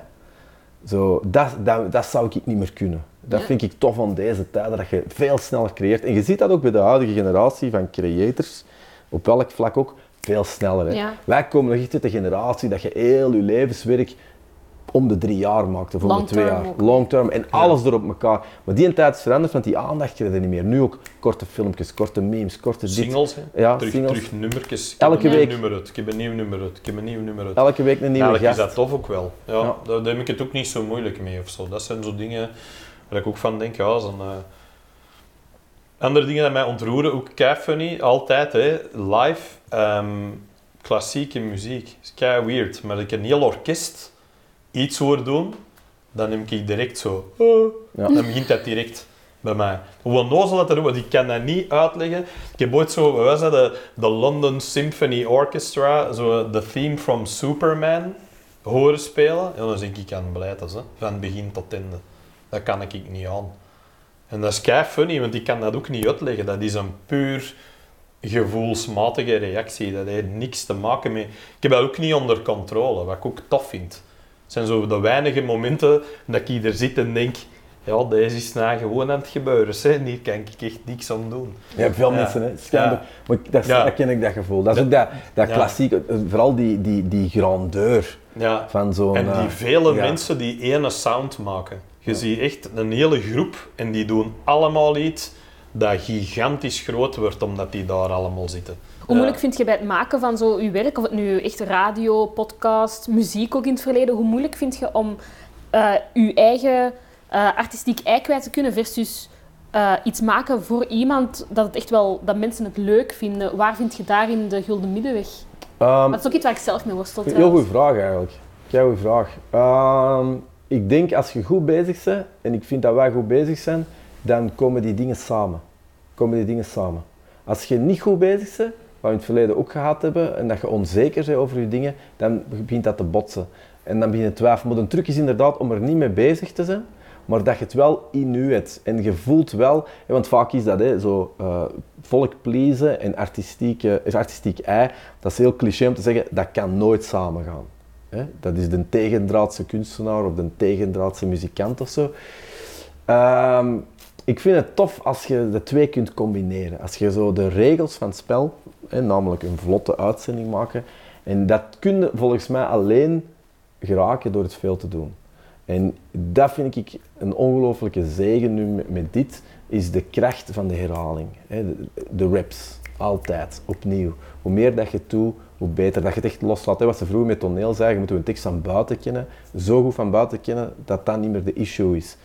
En ehm, ja, dat is wel iets dat ik de laatste twee, drie jaar met podcasten vooral heel hard geleerd heb. En eigenlijk soms een beetje spijt heb dat ik dat vroeger, met andere dingen dat ik gedaan heb, dat ik dat toen nog niet wist. Podcasten heeft mij dat wel doen inzien. Ja, ja ik, vind dat, ik, vind dat toch, ik vind dat heel moeilijk, want ja, jullie hebben een gigantisch bereik met je podcast, waarvoor congrats. Hè? Maar bij mij is dat zo een aflevering gemiddeld tussen de 1000 en de 4000. En dat is dan zo wel tof, maar als het dan zo minder is, dan denk ik van zo, shit, wat heb ik verkeerd gedaan? En dan kan ik dan zo vergelijken met die gast die dan in iemand anders zijn show is geweest. En dan, ja, altijd zo dat vergelijken. Ik vind dat toch wel, ik vind dat toch wel moeilijk. Los, Ja. loslaten, hè? Ja, en tegelijkertijd is dat iets heel menselijks dat je dat doet. Hè. Je, je vergelijkt je eigen altijd met van alles. Maar daar ligt wel niet de sleutel van het geluk Nee. van dat Nee, te doen. nee, dat is, eh, dat is een recipe for disaster, dat kan ik u wel zeggen. Ehm, ja, dat is een spreidstand, hè. dat is heel moeilijk. En als je inderdaad goed bezig bent, dan valt dat allemaal samen. Dan zeg je dat in. Maar ik denk ook wel dat het pleasen van iedereen nooit kan vertrekken als je, als je daar alleen maar vanuit vertrekt. Ja, Dan lukt het sowieso niet. nee. Het moet altijd van u komen. Dat, Ja. dat kan niet anders. Hè. En heel vaak zijn natuurlijk mensen die zeggen, ah, ik heb geen publiek nodig, of ik heb ba. Dat is uw eigen een uitleg geven waarom dat je niet succesvol bent. Hè. Dat, is, dat is vaak wat dat, dat is, hè. Hoe, hoe, hoe stom dat dat ook klinkt, maar ik heb wel al veel mensen horen doen. Dat ik denk, ja, daar zal het aan liggen. Hè. Maar, maar de waarheid is, het is, het is inderdaad, ja, en er zit ook, er zit ook een factor eh, geluk in. Hoe onnozel dat dat ook lijkt. Maar hoeveel dat er afhangt soms van right time, right place. Het juiste moment, het juiste ding zeggen op het juiste moment. Soms heb je dat ook niet onder controle, maar dat kun je alleen maar dat je je eigen de vrijheid geeft om te kunnen zijn wie dat jij bent. Het moet wel vertrekken van wie dat jij bent. Wie dat, wie dat, dat hij is in de podcast, dat is niet iemand anders als die, als die camera afgaat. Dat vind ik ook En dat, mooi en bij dat jullie is bij mij ook niet. Ja. Dus, dus de dingen zijn, dat is erop of eronder. Hè. Dat betekent ook dat jij soms dingen zegt dat mensen denken, ach, hè. of oh, here we go again. Hè. Oh, ze hebben die knop weer ingedouwd en is weer vertrokken. Tuurlijk, want dat hoort er ook een beetje bij. Dat is je eigen laten zien. Hè. Je moet ook het lef hebben om te laten zien wie dat jij bent. Want alleen daarin ga jij andere mensen raken omdat die dat ook zien. Ja. Want de, de gouden truc is, wij zijn allemaal belangen niet zo uniek als dat wij denken dat wij zijn. Dus heel veel van de gevoelens die dat jij uit, die echt van u komen, die hebben heel veel andere mensen ook. En als die een authenticiteit voelen, dan heb jij vaak succes van de twee kanten. Dan heb je heel vaak zowel critici dat zeggen, ja, het is oké, je kunt veel zeggen, maar het is niet dat het niet authentiek is. En de massa dat zegt, wij voelen dat, want het is authentiek. Hè. Een van de De mooiste uitspraken dat ik daar ooit over gelezen heb, dat was op uh, platen van How the Vest, Kid Rock. Geloof het of niet. Maar die had altijd zo'n uitspraak. En ik heb dat al een paar keer gezegd in interviews, maar ik heb dat altijd gevonden. Dat is, if it's good, you'll if it sounds good, you'll hear it. Eh? If it's marketed right, you'll buy it. But if it's real, you'll feel it. En dat is eigenlijk iets heel raar, maar dat is wel zo. Je voelt wanneer dat iets authentiek is en je voelt dat ook als dat niet is. Wat je ook allemaal tegen je eigen zegt. Hè. En ik denk dat een, een vorm, de enige, enige vorm van authenticiteit, dat kun je ook spectaculair falen. Hè. Dat kun je ook doen met authentiek te zijn. Dus dat is geen recept voor succes. Maar ik ben er wel zeker van dat elk groot succes altijd voortkomt uit iets waar je van zegt, ja, ik voel wel dat daar iets... Dat je je niet alleen maar gemanipuleerd voelt in ik moet dat tof vinden. Maar dat je een gevoel hebt van, ah ja, hier komt iets, iets uit waar ik van denk, ah ja, oké. En dikwijls dan ook die kleine, als het over groot succes gaat, factor geluk, right time, right place. Ja. Ja, maar je kunt geluk ook een beetje manipuleren. Kun je ook doen. Je, maar je creëert ook alleen maar geluk door daar te zijn wanneer dat, dat geluk voorbij komt. Hè. Ja. Dat is wat je ook altijd moet hebben. Je moet op die plek staan en dan komt het voorbij en dan kun je op die trein springen en zeggen ik ben er. Maar dat wil wel zeggen dat je voordat je die, dat deed, heb je soms wel die periode dat je je eigen afvraagt, wat ben ik keer aan het doen? Ik moet meteen denken aan een, eh, een, een van die authenticiteit, kan ook lelijk uitdraaien. Toen ik pas in Brussel woonde, echt met automens, hè, en ineens ging dat niet meer. En ineens overal een fietser op de baan die dan veel plek in beslag nam. En ik had daar een, een, column over geschreven, over uh, fietsers moeten... Het kwam er essentially op neer van fietsers moeten echt eens wel een beetje moet een beetje minder, uh, minder de dikke nek uithangen. En ik heb daar kritiek op gekregen. Maar de grap is, een jaar later, een jaar na wonen in Brussel, besefte ik toen als fietser, shit, die automobilisten hier, dat zijn echt klootzakken. Mm en, en ik heb dan opnieuw een column geschreven. Ik heb gezegd, sorry, ja, ik moet jullie eigenlijk wel gelijk geven. Uh, ik weet nu ook wat het is om de andere persoon ah, vind ik jammer. Je wordt nou goed bezig en dan doe je deze. ja, maar nee. Wel spijtig. Nee, nee, nee. Ik wist... ik zeg gewoon een ozel spijtig. Die eerste column volledig mee eens. Daarna, ja, spijtig. Ja, het was goed. Maar mensen begonnen mij te feliciteren over het toegeven van... Een fout. ja, dat ik zo te kort door de bocht was geweest. En mensen kwamen mij daarvoor feliciteren. En ik begreep niet waarom, omdat ik zoiets heb van... Je bent toch een mens, je, kunt toch, je visie kan toch veranderen Natuurlijk op dingen? begrijp waarom. Je het, net, je hebt het net gezegd. Dat is ook het idee dat, dat wederom, wij, wij dat denken in onze, in onze zogenaamde uniekheid. Mensen horen eigenlijk wel graag iemand een fout toegeven. Ze. Want dat geeft u ook het gevoel dat jij dat kunt. Ja. Dat, je, dat je iemand ziet dat zegt van ja, weet je... Want, want hè, tegelijkertijd, het is, soms, het is soms heel dubbel en het hangt er ook allemaal maar vanaf. Maar als, als je voelt dat dat echt vertrekt, niet vanuit ik zeg sorry voor iets dat ik gedaan heb, want anders ben ik mijn job kwijt. Dan voelde het ook niet. Nee, nee, nee. sommige mensen zeggen, ik zou mijn verontschuldiging willen aanbieden, omwille van... dan weet al van, ja, die zegt deze, want dat is wat dat je moet zeggen. Als iemand officieel komt van, vanuit een... Weet je wat, ik heb dat aangezegd, maar dat was wel wat kort door de bocht, want ik heb nou wel meegemaakt wat dat, dat en dat en dat is. Daar heeft nooit iemand iets tegen. Integendeel, want dat is eigenlijk iets heel, heel cool om te laten zien, dat je in staat bent om ja, van gedachten te veranderen. Ja, misschien wel. En het is ook, maar ik moet ineens, en misschien gevoelig terrein, maar ik moet ineens denken aan een hele zaak rond Bart de Pauw. Dat is wat mensen ook verwachten van een Bart de Pauw, dat hij, dat hij sorry zegt, dat hij, dat hij zijn fout durft, durft toegeven. Ik vraag me nu wel af, jullie zijn allebei twee mannen, hè? Uh, hoe, hoe kijken jullie eigenlijk naar heel die zaak? Ja, eh, eh, gelijk, gelijk heel veel mensen, ja, je weet niet wat er gebeurd is natuurlijk. Hè. Uh, je kunt misschien zeggen omdat je wat, wat, wat, een breder netwerk hebt, dat je wat meer input hebt. Maar laten we dan toch nog wel even de, de, de, de, rechts, de rechtspraak bovenaan zetten ervan uitgaan. Dat, je moet een paar dingen, dat is wat we zeggen, je moet structuur hebben. Hè. Je moet een paar dingen wel in geloven.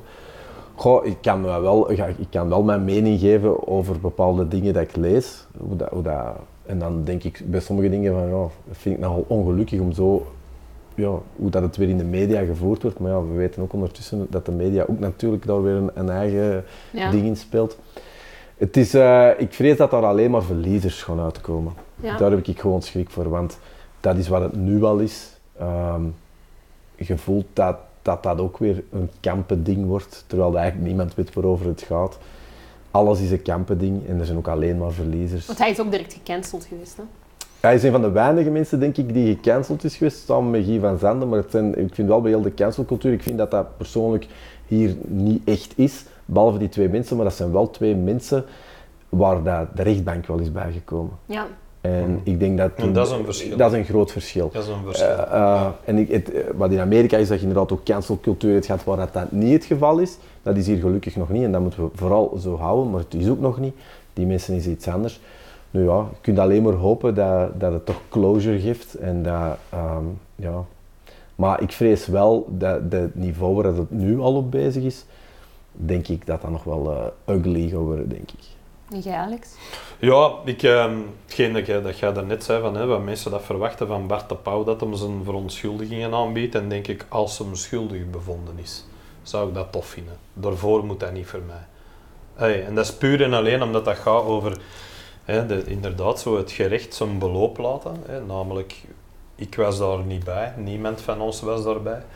Je leest er dingen over. De mensen die dingen zeggen hebben allemaal hun eigen motivatie, zowel hij als de vrouwen die dat, dat doen. Hè. Is dat allemaal waar? Geen idee van. Dat zal die rechtszaak uitwijzen. En als ze dan zeggen, die is schuldig, ja, dan zou ik het van Bart cool vinden dat hem zegt, wist dat, witte lustert. Ja. Of whatever. Ik probeer altijd zoveel als mogelijk. Ik ben natuurlijk ook zelf bekend. En je probeert u ook een beetje in te leven in stel, stel je voor dat die situatie u overkomt. Wat zou je willen hoe dat je daarmee omgaat of dat je ermee reageert. Ja, hetgeen dat ik het liefste zou willen, is dat er een soort... Uh, dat niet heel uw carrière al gedaan is zonder dat er iets bewezen is naar u toe. Dat het woord van iemand genoeg is om ervoor te zorgen dat jij niet meer bestaat. Aan de andere kant, als het gerecht erbij komt kijken, zoals dat, dat zowel bij Guy van Sande was als nu bij Bart de Pauw, dan zal er waarschijnlijk ook wel iets van aan zijn. Hè. Dus de dingen die, hè, zoals Andries er juist al zei, die gaan uitkomen, er gaat waarschijnlijk niemand gelukkiger van worden. Dat gaat zoiets zijn dat je denkt, ach, moest het nu weer. Aan de andere kant is dat een goede zaak. Ja, in dat geval dan wel uiteraard, want dat is ook het hele goede aan heel dat MeToo gegeven, is het feit dat je dat er toch op zijn minst al een gevoel is dat je niet allemaal meer mee alles kunt wegkomen. dat er toch al een soort gevoel is van ik moet er al eens rekening mee houden. Wat cool is, aan de andere kant, wat is de keerzijde van de medaille? Een hele hoop beschuldigingen waar dat iemand zijn carrière van aangaat, waar ze niet van weten of dat waar is of niet. Dus wederom, dat is dan nog het toffe aan ons, eh, ons nuchtere Vlaanderen. Een klein beetje is dat, dat dat dan iets minder hard van stapel loopt. Ik weet het niet. Hè. Ik zal zeggen dat Bart de Pauw al geen leuke jaren hebben gehad sinds dan, denk ik. Mhm niet vergeten dat hij, hij er zelf mee naar buiten gekomen is. Hè. Het eerste video kwam van hem, kwam niet van iemand anders. Dus er is een ding in gang gezet. Ja, ik weet niet wat ik daarvan moet denken. Ik denk gewoon, ja, als, hem, als hem schuldig is, goed dat, hem dan, dat hem daar dan zijn straf voor krijgt. Want dat, daar dient het rechtssysteem ook voor, dacht ik. Hè. Aan de andere kant, ja, is dat niet, wat gaat er dan gebeuren? Want dat is de vraag die ik mijn eigen altijd stel want dat is, ik heb altijd het gevoel als je van zoiets beschuldigd wordt, dan doet de uitspraak er niet zo heel veel niet meer toe, in heel veel gevallen. Michael Jackson is vrijgepleit in een, uh, in een rechtszaak van pedofilie. Het gevoel dat ze ooit gezegd hebben, dat was geen pedofiel. Ja. Nee, hè. dat is rond blijven hangen. Zelfs nadat hem dood was, dat er nog getuigenissen waren, nog dat soort dingen. Dus eet je dat gedaan? Ook daar. Ik was er niet bij. Ik weet het niet. Je moet op een woord geloven van iedereen. Als er rechtszaken bij zijn, advocaten bij zijn, bewijzen bij zijn en er valt een uitspraak, dan wil ik nog geloven dat ik daar dan wel van mag uitgaan dat die mensen op zijn minst hun uitspraak hebben gebaseerd op echte kennis, op dingen echt weten. Ja, en niet trial by media. En niet trial by media, dat is een pijnlijke zaak. En dat is heel moeilijk, hè, want dat is, dat is het dubbele eraan. Want hoe zit je zelf? Als je dat leest, ja, dan denk je, oh, het zal waarschijnlijk wel. Hè. Of waar ook is, is vuur. Of dat soort dingen. Maar je weet het niet. De, de eerlijkheid is, je weet het niet. En mijn eigen ervaring met Bart de Pauw, ik heb hem een paar keer ontmoet. Ja, ik heb daar geen ambras mee gemaakt. Of ik heb daar niet... Dus ik kan daar niks over zeggen. Heb je die column gelezen van Delphine Leconte, waarin dat ze eigenlijk uh, Bart de Pauw ik heb dat gelezen, ja. meer krediet geeft? Ja, ik heb dat gelezen. Maar, maar ik vond dat dan ook... Ja, wat vind jij ervan? ja, ik vond dat een beetje ik had een beetje het gevoel dat ze zo te veel een statement wou maken. Ja, Ja, keihard. Dat, dat is alles mee gezegd. voilà. Ik Ik, vond dat, had- ik vond dat, ik vond dat een beetje profileringsdrang. ja, ik vond dat gewoon ja, profileringsdrang. Maar ik vond, dat, ik, ik vond dat heel raar dat dat zo'n gedoe was. Alsof dat die vrouw dat daarvoor niet was of zo. Ja, ja. Dan sta je er toch van... Ik, ik, ik, ik, ik plaats haar heel hard in een... eh, ja, literair zijn er natuurlijk verschillen. Een soort Herman Brusselmans provocerende Ja. rol. Op, ook alles wat ze doet is erover. Dus ja, ik, ik, ik begreep ook niet een outrage daarover. Ik had zoiets, dan neemde dat toch niet serieus. Ja, neut was, neut was dan een neut. And that's the point. Ja, ja. ja. Dat, was denkt gewoon- van dat was- drie kwart van een outrage, dat Ja. neem je toch niet Ja. serieus? Ja, toch wel. Dat, was, dat is wat columns is, hè. Dat is toch wat columns altijd zijn. De, de, de waarheid is dit, 90% vindt dit, ja, dan ga ik mij specialiseren in die 10%. Hè. Want ja, wie leest er nou weer hetzelfde, graag hetzelfde. Ja, Ja. vond dat, Maar niet- dat ze geschreven trouwens, want ik heb die column niet gelezen, dus ik wou... eh, Ze, ze reduceerden de slachtoffers heel hard tot zo... Het, het kwam eigenlijk, het kwam eigenlijk een beetje neer op wie is er nu nooit niet geil. Oké, ja, ja, dat zijn we allemaal wel eens. Ja, en als je dan eens eigenlijk- verkracht wordt, wat zeggen ze dan? Hè? Een dubbeltje op zijn kant, zoals het heet. Hè? Ja, dan Kurt Roksken aan. Ah. I'm what's known on the streets as a victim blamer. Zoals eh, Dave Chappelle het zo mooi zei. Ehm goh, nee, ik... weet het niet, man. Dat is wat dat jij zegt. Hè. Dat zijn zo van die dingen dat ik denk, ja, tuurlijk schrijft hij dat. Waarom zou hij dat niet schrijven dan? Het enige grappige Dan dat heb je ik, het gelezen, hè? dan hebben we het erover. We hebben het erover. wat ik, wat ik Voilà, altijd, well done. Wat, altijd, wat ik altijd heel funny vind, altijd, is als mensen op een piedestal worden ge- gezet door, eh, door eh, een bepaald soort eh, mensen.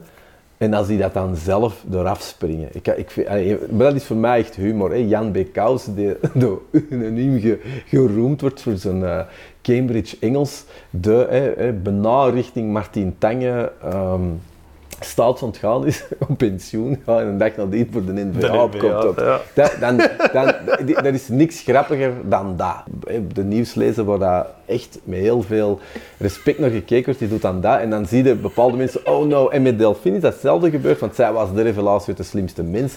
Het soort ja, persoon op handen gedragen door iedereen, door vrouwen ook vooral. Hè. Het, het, het bijna anti-rolmodel, want ik bedoel, hè, over haar uiterlijk kunde, het is een, hè, ze heeft een zwaar leven gehad. Zo iemand die dan toch die plek zelf krijgt en dan zelf zegt zo'n...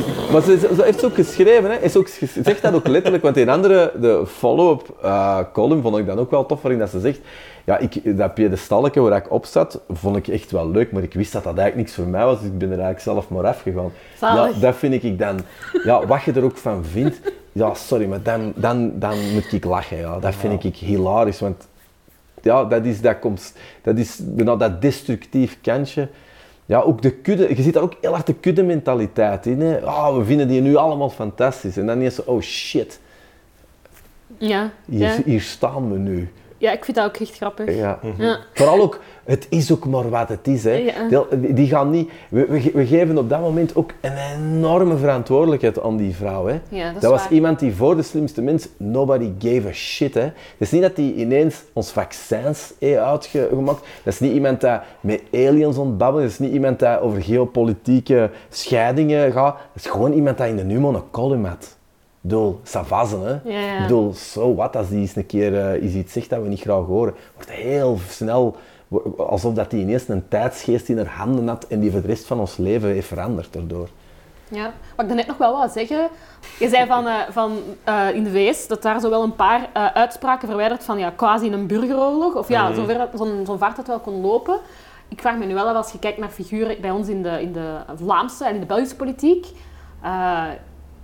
ik vraag me af, heel veel moet er daar toch ook niet gebeuren. Als je kijkt naar een Dries van Langenhoven en zo. Ik weet het niet. Ja, ik, ik heb toch altijd een gevoel dat, dat, dat voor Vlaanderen, dat wij toch zo, misschien ook door onze kleinheid en door onze iets wat knulliger zijn, maar ook, ook een beetje het...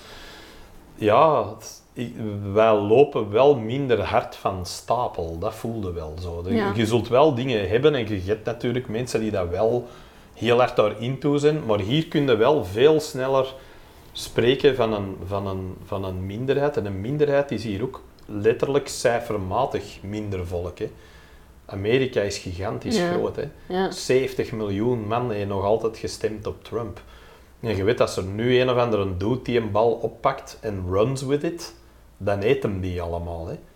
Dus er zijn, en er zijn dingen waar ik, waar ik van denk, ja, ik weet het niet. Dat, het is ook in Amerika bijvoorbeeld, het, het al een civil war gehad. Hè. Die hebben dat al. Dat, dat, er zijn dingen die dat daar al, dat zit daar ook een beetje in. Steven, dat is, dat is gewoon ook een kwestie van ongelijkheid. Hè. Ja. Zo, de- je- wij gaan in dit, je gaat, pas op, hè, is, je, moet het nog een beetje, je moet het ook niet relativeren wat hier al soms met de rellen, zeker in het Brusselse en ander ligt. Dat, maar kijk naar iets als Frankrijk en zo.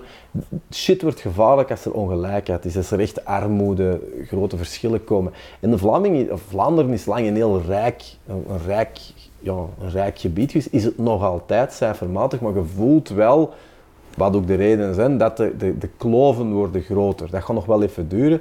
Als de kloven echt groot worden, wat in Amerika al lang het geval is, dat, zijn de, dat zijn de zaadjes die geplant worden voor mogelijke burgeroorlogen. Maar zolang dat je zit natuurlijk met welvaart, ja, denk ik dat we er nog wel ver vanaf zijn. Dus zo'n, maar zo'n Dries van Langenhoven is wel belangrijk om te zien, eh, dat moeten we wel lessen uit trekken, wat dat de actoren zijn, wat, er gebeurt als iemand begint, hoe ver dat je toch al kan Ja. gaan. Want dat is wel hetgeen dat, dat heel zot is aan heel dit, is hoe ver dat je kan gaan. Wat je kan zeggen en dat je ook voelt dat je daar minder en minder... Je wordt eraan gewoon. Dat is ook een het, beetje het zal ontvegen, vind ik wel. Eh, ik vind dat twee, twee allez, ik vind dat dubbel. Ik vind, ik, dat is nog een, maar ik weet niet of we hier nou over, per se over politiek moeten zijn. Ik vind ook wel interessant of zo dat het niet meer zo gepolariseerd is. Hè, dat het ook wel kunt. Want, maar ik vind wel, eh, ja, je, je, je geraakt snel aan dingen gewoon.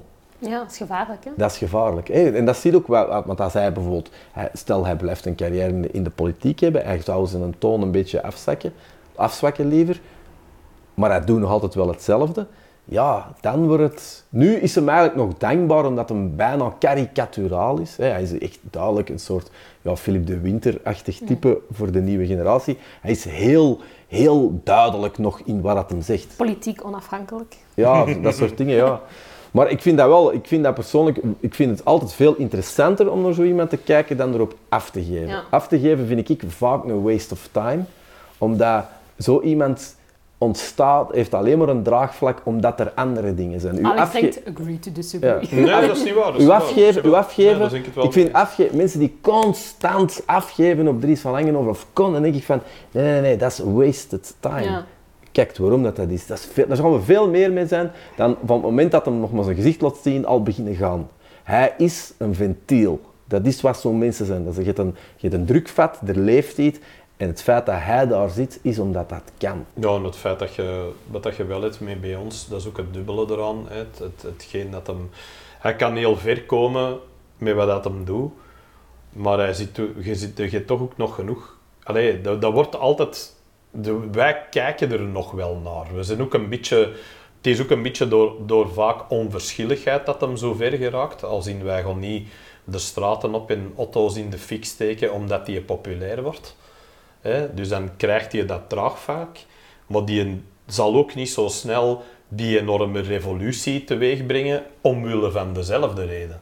Die zijn volgelingen gaan ook niet de straat op om alles in de fik te steken. Wij kijken er nogal veel naar hier, in dit land. Ja. We hebben heel hard de neiging om dingen te zien en te zeggen, maar het is allemaal wat, hè. Maar de, de actie, hè, gelijk dat je in Amerika gaat het met dat bestorming van het kapitool, of gelijk dat je zo die, die mega-rellen hebt en die mega-dingen, daar zijn wij hier nog niet. En inderdaad, ja, meestal heeft dat te maken met, ehm, met, met, met het gevoel hebben dat jij niks hebt en dat iemand anders alles heeft. Hè. En, dat is En hier de, de populariteit van, van Donald Trump, wat ik ook zo raar vind, dat dat, dat zelfs een tijdje geleden, denk ik, in de afspraak eh precies iets was waar niemand een antwoord op kon geven. Hè, toen Gerald Anne, eh, Gerolf Annemans, denk ik, zei van hoe, hoe verklaarde die 70 miljoen man. En Gwendoline Rutte begon dan zo wat te prevelen over, over algoritmen en zo. En ik denk, waar zit jij over bezig? Die heeft gewoon die ene bevolkingsgroep in Amerika die door zowel de Republikeinen als de Democraten compleet genegeerd wordt. Hè. Arme mensen.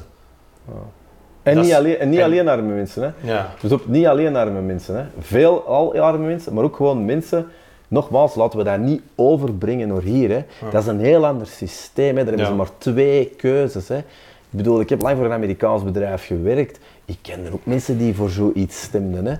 Maar die zeiden ook, ik vind dat ook geen oké gast, maar dat vind ik veel erger.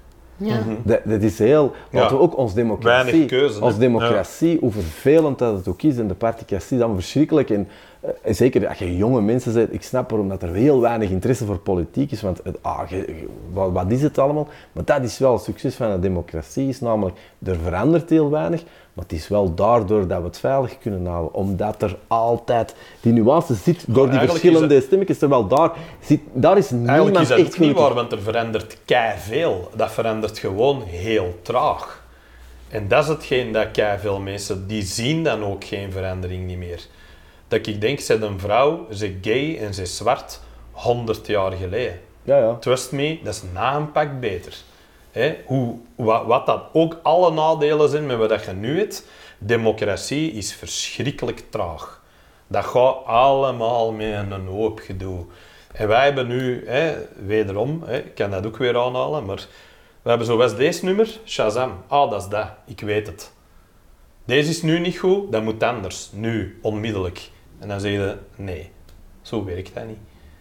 En dat is iets waar je, waar dat je altijd tegen gaat vechten. Tegen, ja, er is vooruitgang, maar vooruitgang is traag. Dingen zei ook, hè, Ja. Gert Verhulst of zo, die was een tijd over zijn uiveren, waar, dat- waar dat- die zit natuurlijk ook voor kinderen en er zat natuurlijk ook al heel veel de zwarte pieten discussie en dergelijke. Als je moorde, ah, hij zei ook letterlijk van ja, geef mensen tijd en dan komt het allemaal goed. En dat is iemand die nou ook letterlijk onder de bron zit, hè, want het gaat vaak van de, hè, die is die Ja. dat, die dat. Ja, als je entertainment voor kinderen doet, ja, die, je zit heel snel. Ik bedoel, als je heel deze een catalogus doet, die zal ook wel eens iets opgenomen hebben wat dan nu waarschijnlijk Ja, zeker, moeilijk is. zeker. Maar dat is wel iemand die het langs twee kanten... Zo'n zo'n stem is dan ook wel belangrijk als je zegt, geef het tijd. Want dat is ook iemand die niet alleen in een bubbel zit. Hè. Het Studio 100 publiek is heel breed. Hè. Als je populair bent, heb je alles. Mensen die alleen voor een bepaald soort fans hebben, dat is een klein. Anders, hey, je kunt niet... Ja, mensen, mensen die zeggen, wie zijn die mensen? Die zijn niet succesvol. Succes hebben niet met één, één, één doelgroep. Dat kan niet. Ja, tegelijk kun je ook niet voor iedereen succesvol zijn. Nee, maar je moet wel zien dat je on een overkant gaat. Je moet wel Ja. een crossover hebben. Ja. Ik, ik heb altijd een enorm wantrouwen tegenover mensen die eh, een, een, een dédain en een, en een soort... Wie zijn dat? Dat kan toch niet dat? Wie, met wie gaat ik... Zo, dat. Ja. Dat werk ik. Dan denk ik... eh jij gaat de wereld niet veranderen. En jij bent ook niet succesvol. Want iedereen dat ik ken, en ik kan dat toch ondertussen zeggen dat ik er toch een aantal ontmoet heb, die effectief succesvol zijn. En niet wat is succes, maar letterlijk de numbers in succes, die hebben toch allemaal een paar dingen die terugkomen. En dat is dat ze buiten hun doelgroepje zijn geraakt. Ja. We hebben het hier over, over eh, belangrijke thema's, over de, ja, de wereld van morgen, eh, essentially, over, over, over politiek en ja, ook de hele klimaatdimensie. Eh het doet mij denken aan wat Anuna de Wever twee weken geleden zei, en dat was dat vrienden van haar zei, iets hadden van, ja, je bent bijna gek zijn om aan kinderen te beginnen. Zijn jullie, zijn jullie bang voor de wereld waarin dat jullie krost gaat Nee, dat veranderen? heeft geen zin. Dat heeft geen zin. Ik bedoel, ja, veel stoppen we allemaal met kinderen maken en dan stopt het ook. Hè. En eh, fine by me. Ik ben hier, mijn dochter is hier, I don't give a fuck. Hè. Dat klinkt ook fout, maar dat is heel egoïstisch gezien. Wereldwijd, ja nee, je hoopt natuurlijk altijd dat wij een manier vinden om daar door te komen. Hè. En, het, en met angst en te zeggen, waarom zouden nog? Ja, daar lost er sowieso niks mee op. Dat is iets dat, dat zorgt voor een punt aan de lijn. Ja. Super simpel. Dat is, ja, dat is een klein beetje, heel kort door de bocht nu, hè, maar dat is fight or flight en dat is dan flight. Hè. Ja. gewoon zeggen, ja, dan zijn we maar weg. Laat dat, laat dat dan maar. Terwijl dat, daar wil ik ook niet in geloven. Ik wil ook niet zo cynisch worden van te denken het is waardeloos van een kind op de wereld te zetten. Ik zie toch hè, mijn eigen kind, dat van hem. Wij zien ook dat die gelukkig zijn, dat die een tof leven hebben, dat die coole dingen doen. Wie weet komen daar nu net de mensen uit die wel dat die een ding gaan vinden, waardoor dat je denkt, niet alles is opgelost, maar hey, het wordt toch weer op een bepaalde manier beter. Ja. Hè, dan komt er weer een andere crisis, uiteraard. Want als mensen rolden van moeilijke situatie in moeilijke situatie, en met hoe meer dat we zijn, hoe moeilijker dat, dat wordt. Hè. wat, wat logisch is. Maar getuigt ook van een enorm, en dat heeft niks met haar te maken, zo, want ik dat is een uitspraak. Ik weet dat True Detective zeg, is een geweldige, seizoen 1 is een geweldige scène tussen Matthew McConaughey en Woody Harrelson en dat is eigenlijk dat. hè. dat, is- dat is ook heel bon ton, dat is ook eh, een, hé, waarom zou het nog? Dus ik zal dat zeker niet aan haar persoonlijk verwijten, want ik heb dat vaak gezien, maar eigenlijk getuigt dat van een enorme eh, gebrek aan ten eerste eh, relativeren. Ik bedoel, alsof dat de aarde rekening gaat houden het feit of dat een van de species dat hier rondloopt gaat bepalen. Ik bedoel, allee, dat, dat, bedoel, we hebben nu met corona gezien hoeveel dat we te zeggen hebben. Hè. Ik bedoel, we waren twee, drie maanden in lockdown en, en Natuurpunt kon al zeggen dat we ineens terug eh, in de jaren 60 leefden qua luchtvervuiling. Hè, dat allemaal gezakt was. En zo. Dus ik wil wel zeggen, goh, ja, het is bon om te zeggen, het is ook een beetje goede koop. Het zal niet aan ons liggen. Ze. Eh, het is ook, het, wat ik er ook een beetje mee heb is, ik bedoel, we leven ook wel in een, in een gebied waarin dat, dat soort uitspraken, goh, hè, als je ergens een kind in de wereld kunt zetten, is het wel hier. Hè. Ja. Ik bedoel, eh, in midden in, eh, weet ik veel, in Oeganda of Ethiopië of zo.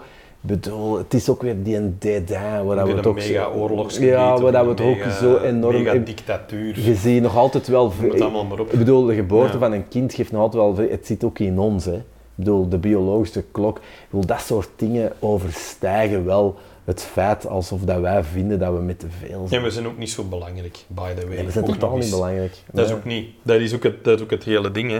We have to save the planet. Nee, nee, we have to save ourselves. Hè. Dat is wat je aan het We zijn één, je bent één meteoriet. De planeet blijft wel over. Ja, ja je bent nog altijd maar één, één afwijkingsje in een meteoriet verwijderd van... Ja, geen podcast, hè. En ik bedoel... Ja. En dat is het belangrijkste. Hè. Al de rest zouden kunnen missen. Maar die podcast... Ja, voilà. Hopen jullie dat jullie kinderen eh, echt van die eh, impactmakers worden die zo op een manier de wereld gaan veranderen? Die worden dat of die worden dat niet. Hè. Ja. Je weet dat niet. Ik, bedoel, denk niet dat, dat, dat, dat iemand dat ooit wordt, omdat je die keihard die richting in pusht. Hoewel dat ik, ik denk dat wel veel van de omgeving waar je in opgroeit u ook wel bepaalt. Hè. Zeker niet alles. Maar als dat in iemand zit, de situatie kan dat soms ook uit de meest rare mensen halen. Hè. Dat is zo typisch het verhaal in de, de actiefilm van die stille die dat je niet hoort, maar er komt een vreselijke situatie en die ontpopt zich ineens tot iemand die dat dan die situatie aan kan. Ja, vaak in het leven is dat ook zo. Heel veel mensen die, die heel grote dingen hebben veranderd, denk ik, hebben dat ook altijd een klein beetje tegen wil en dank gedaan. Maar die hadden wel het gevoel van, ja, ik moet deze gewoon doen. Of dat is hetgeen dat eruit komt. En ik weet niet of dat je dat... Hoopte zoiets voor uw kind? Ik weet dat niet. Omdat degenen die de grote veranderaars zijn in de wereld, zijn meestal ook niet de gelukkige mensen. Hè. Zijn ook niet degenen die het leukste leven hebben. Zijn ook niet degenen die... Hè, de vader van Martin Luther King zou wel kunnen zeggen, onze Martin, die heeft dat goed gedaan, maar die is niet goed afgelopen Nee, dat met de Martin. En die heeft ook geen leuk leven gehad. Die heeft een leven gehad van enorm veel strijd. Dus ik weet het niet. Hè. Iets in u zegt natuurlijk voor, de, voor het nalatenschap en de legacy, en er wordt nog over u gepraat, dat is allemaal heel mooi, maar er heeft die persoon zelf heel weinig aan gehad. Dus in- als ik een hoop voor mijn kind mag uitspreken, dan is dat gewoon, ik hoop dat dat gelukkig is. En dat hij een leven heeft dat voor haar goed is en dat, dat, ja, dat je wat rekening houdt met mensen rondom u. Ja, dat hopen we allemaal een beetje. En een Maar doel dat- hebben, een doel hebben. Ja. Dat is eigenlijk... Dat vind ik heel jammer soms, als je zeker zo bij jonge mensen of zo... ehm, ik, ik, ik zie soms een gebrek aan doel. Zo, Ja, dat was dat purpose. ook niet als wij jong waren. Nee, nee, eigenlijk Nee, niet. is ik, dat zo? ik heb dat Ik weet nooit dat gehad. Nee, nee, ik heb dat nooit gehad, maar ik zie het wel heel vaak bij mensen. Ja. En daarom dat ik, dat ik, eh, ik ben heel blij dat ik dat altijd had. Ik had altijd wel een drive of een projectje of zo. En impact, daar was ik nooit mee bezig. Dat hoeft ook niet, denk ik. Maar zo, ik vind dat wel soms, soms spijtig, omdat ik het leven altijd wel zie als, als één grote complete zinloosheid, maar je ziet hier nou toch, maak het vol op zo'n, op zo'n leuk mogelijke manier. En er is wel, als ik, ik heb dat heel hard als ik mensen online zie klagen. Hé, laten, we dan, hé, laten we dan de hé, de HLN comment, wat ook al bijna een, een ding is, dus hallo HLN comments, want ik, ik weet dat jullie nu al bezig zijn. Dus eh, dat, dat soort mensen denk ik van, maar ik vind dat niet erg dat die, dat die eh, soms ongenuanceerd hun mening geven, maar dat zo je moet niet kwaad zijn op wat je hoort. Je zou hier eigenlijk geen tijd voor moeten hebben. Je zou eigenlijk, want de reden dat je kwaad bent, is omdat je, is omdat je zelf misschien iets niet aan het bent. Dat heeft niks met talent of zo te maken, niet met geld of connecties. Dat zijn altijd excuses dat gegeven worden. Maar zo een project hebben in het leven, je ziet dat ook bij, bij heel veel mensen dat ik soms ontmoet, dat die zoiets klein doen en je ziet die opfleuren. En je hoopt gewoon dat je kind, dat dat, dat, dat niet het probleem is. Wat dat die dan ook doet, doet er niet toe. Maar altijd iets om mee bezig te zijn. Ja, jij soms haat van, uh, of niet van is, of van, van, van mensen. Hoe, hoe, ga, hoe ga jij daarmee om? Heb jij zoiets van, ik ga erop in en ga proberen het dialoog? Ik, ik, ik las dat vroeger en dan werd ik er kei kwaad van. En nu doe ik dat niet meer. ik lees dat niet meer. Dat heeft geen zin. Wat maakt dat uit? Plus het goede daaraan is natuurlijk, dat wat jij er net allemaal aan het zeggen wordt, over dat er zoveel mensen zijn die niet mee iets bezig zijn en daardoor zitten te haten. Geeft mij ook een kei goed gevoel, hè, man. Dan denk ik, what are you doing? Ja, Ja. niks hè. Dus, voilà. Dus ik hoop, hoop inderdaad van uw kinderen dat dat niet die ene is en zo, en ik vind, maar dat die niet aan het doen is, waar dat iemand anders dat overschrijft. Ja. Kei tof. Maar nee, nee, dat is, een waste of time. Omdat je ook, maar ook met, met, met heel goede recensies heb ik dat nu ook. Omdat ik het gevoel heb van, nou, dat is ook bullshit. Dat is ook maar wat dat jij ervan mocht. Dat is allemaal. Ik heb ook complimenten gekregen waar ik niet blij mee was. Dat ik dacht, je snapt niet wat dat kan doen zijn, maar, maar je vindt het wel tof. Dat is goed, maar wat maakt dat uit? En dat negatief maakt eigenlijk hetzelfde. Wil dat zeggen dat ik mij dat niet aantrek? Tuurlijk, daarom lees ik het ook niet meer. Als je het niet leest, trekt het je eigen niet aan. Als je een hele dag je eigen ego googelt en je wilt weten wat iedereen over u zegt, dat is altijd een recept voor je eigen slecht te voelen. Dat is nooit goed, want je gaat blijven zoeken totdat je die comment tegenkomt dat die het kei slecht over u zegt. Je stopt, je stopt nooit bij die goeie's. Hè? Bij die eerste dat je leest, vind het fantastisch. Dan denk je, ja, ja, ja, fantastisch, dat weet ik ook. Want ik maak het, dus ik vind het ook fantastisch. Maar dan komt het terecht bij die ene dat zegt, hé, hey, eh, en dan, dan zit ik kwaad. En waarom? Maakt dat niet het? Maakt dat deze leven beter? Maakt dat dat van u beter? Het slechtste zou nog kunnen zijn, het ergste dat dat nog kan teweegbrengen, is dat je nog gaat leven door deze comments. Dat je daar nog rekening mee gaat houden. Dat je nog dingen aan je eigen gaat veranderen, omdat je denkt dat vanaf het moment dat je dat doet, wederom, wat we er straks zeiden, authenticiteit, dan is het niet meer authentiek. Hè? Ja. Dan zit je iets aan het doen om iemand anders te plezieren. Terwijl dat doet al als je op podium of, of, of met een podcast of met iets eender, je doet dat en je komt ermee naar buiten, dan zit je dat al aan het doen. Dan zit je al iets aan het geven. Wat dat je geeft, wat dat ze ermee doen. Wie heeft dat onder controle? Zou ik heel megalomaan zijn, en ik ben al megalomaan genoeg, dat ik ook nog eens zou moeten gaan bepalen wat dat iedereen vindt van hetgeen dat ik doe. Ik denk dat we met deze positieve noot eh, toch een boeiende gesprek kunnen afronden. Ehm, Was dat een positieve noot? ik vond dat toch een positieve Ja? noot, Oké, om, niet, cool. om je niet te veel aan te ik ben trekken. blij, ik ben blij. Om je niet te veel aan te trekken wat anderen zeggen. Eh, Andries en Alex, ik wil jullie enorm hard bedanken om tot hier te zijn afgezakt. Het was een genoegen. Dat is eh, zeer graag gedaan. Ik zou een fistbump geven, maar En de mensen thuis zien het niet, maar er zit een octopus met een zomerhoed op, op de kast. En dat is al de enige reden waarom dat ik hier was. geweldig. Merci.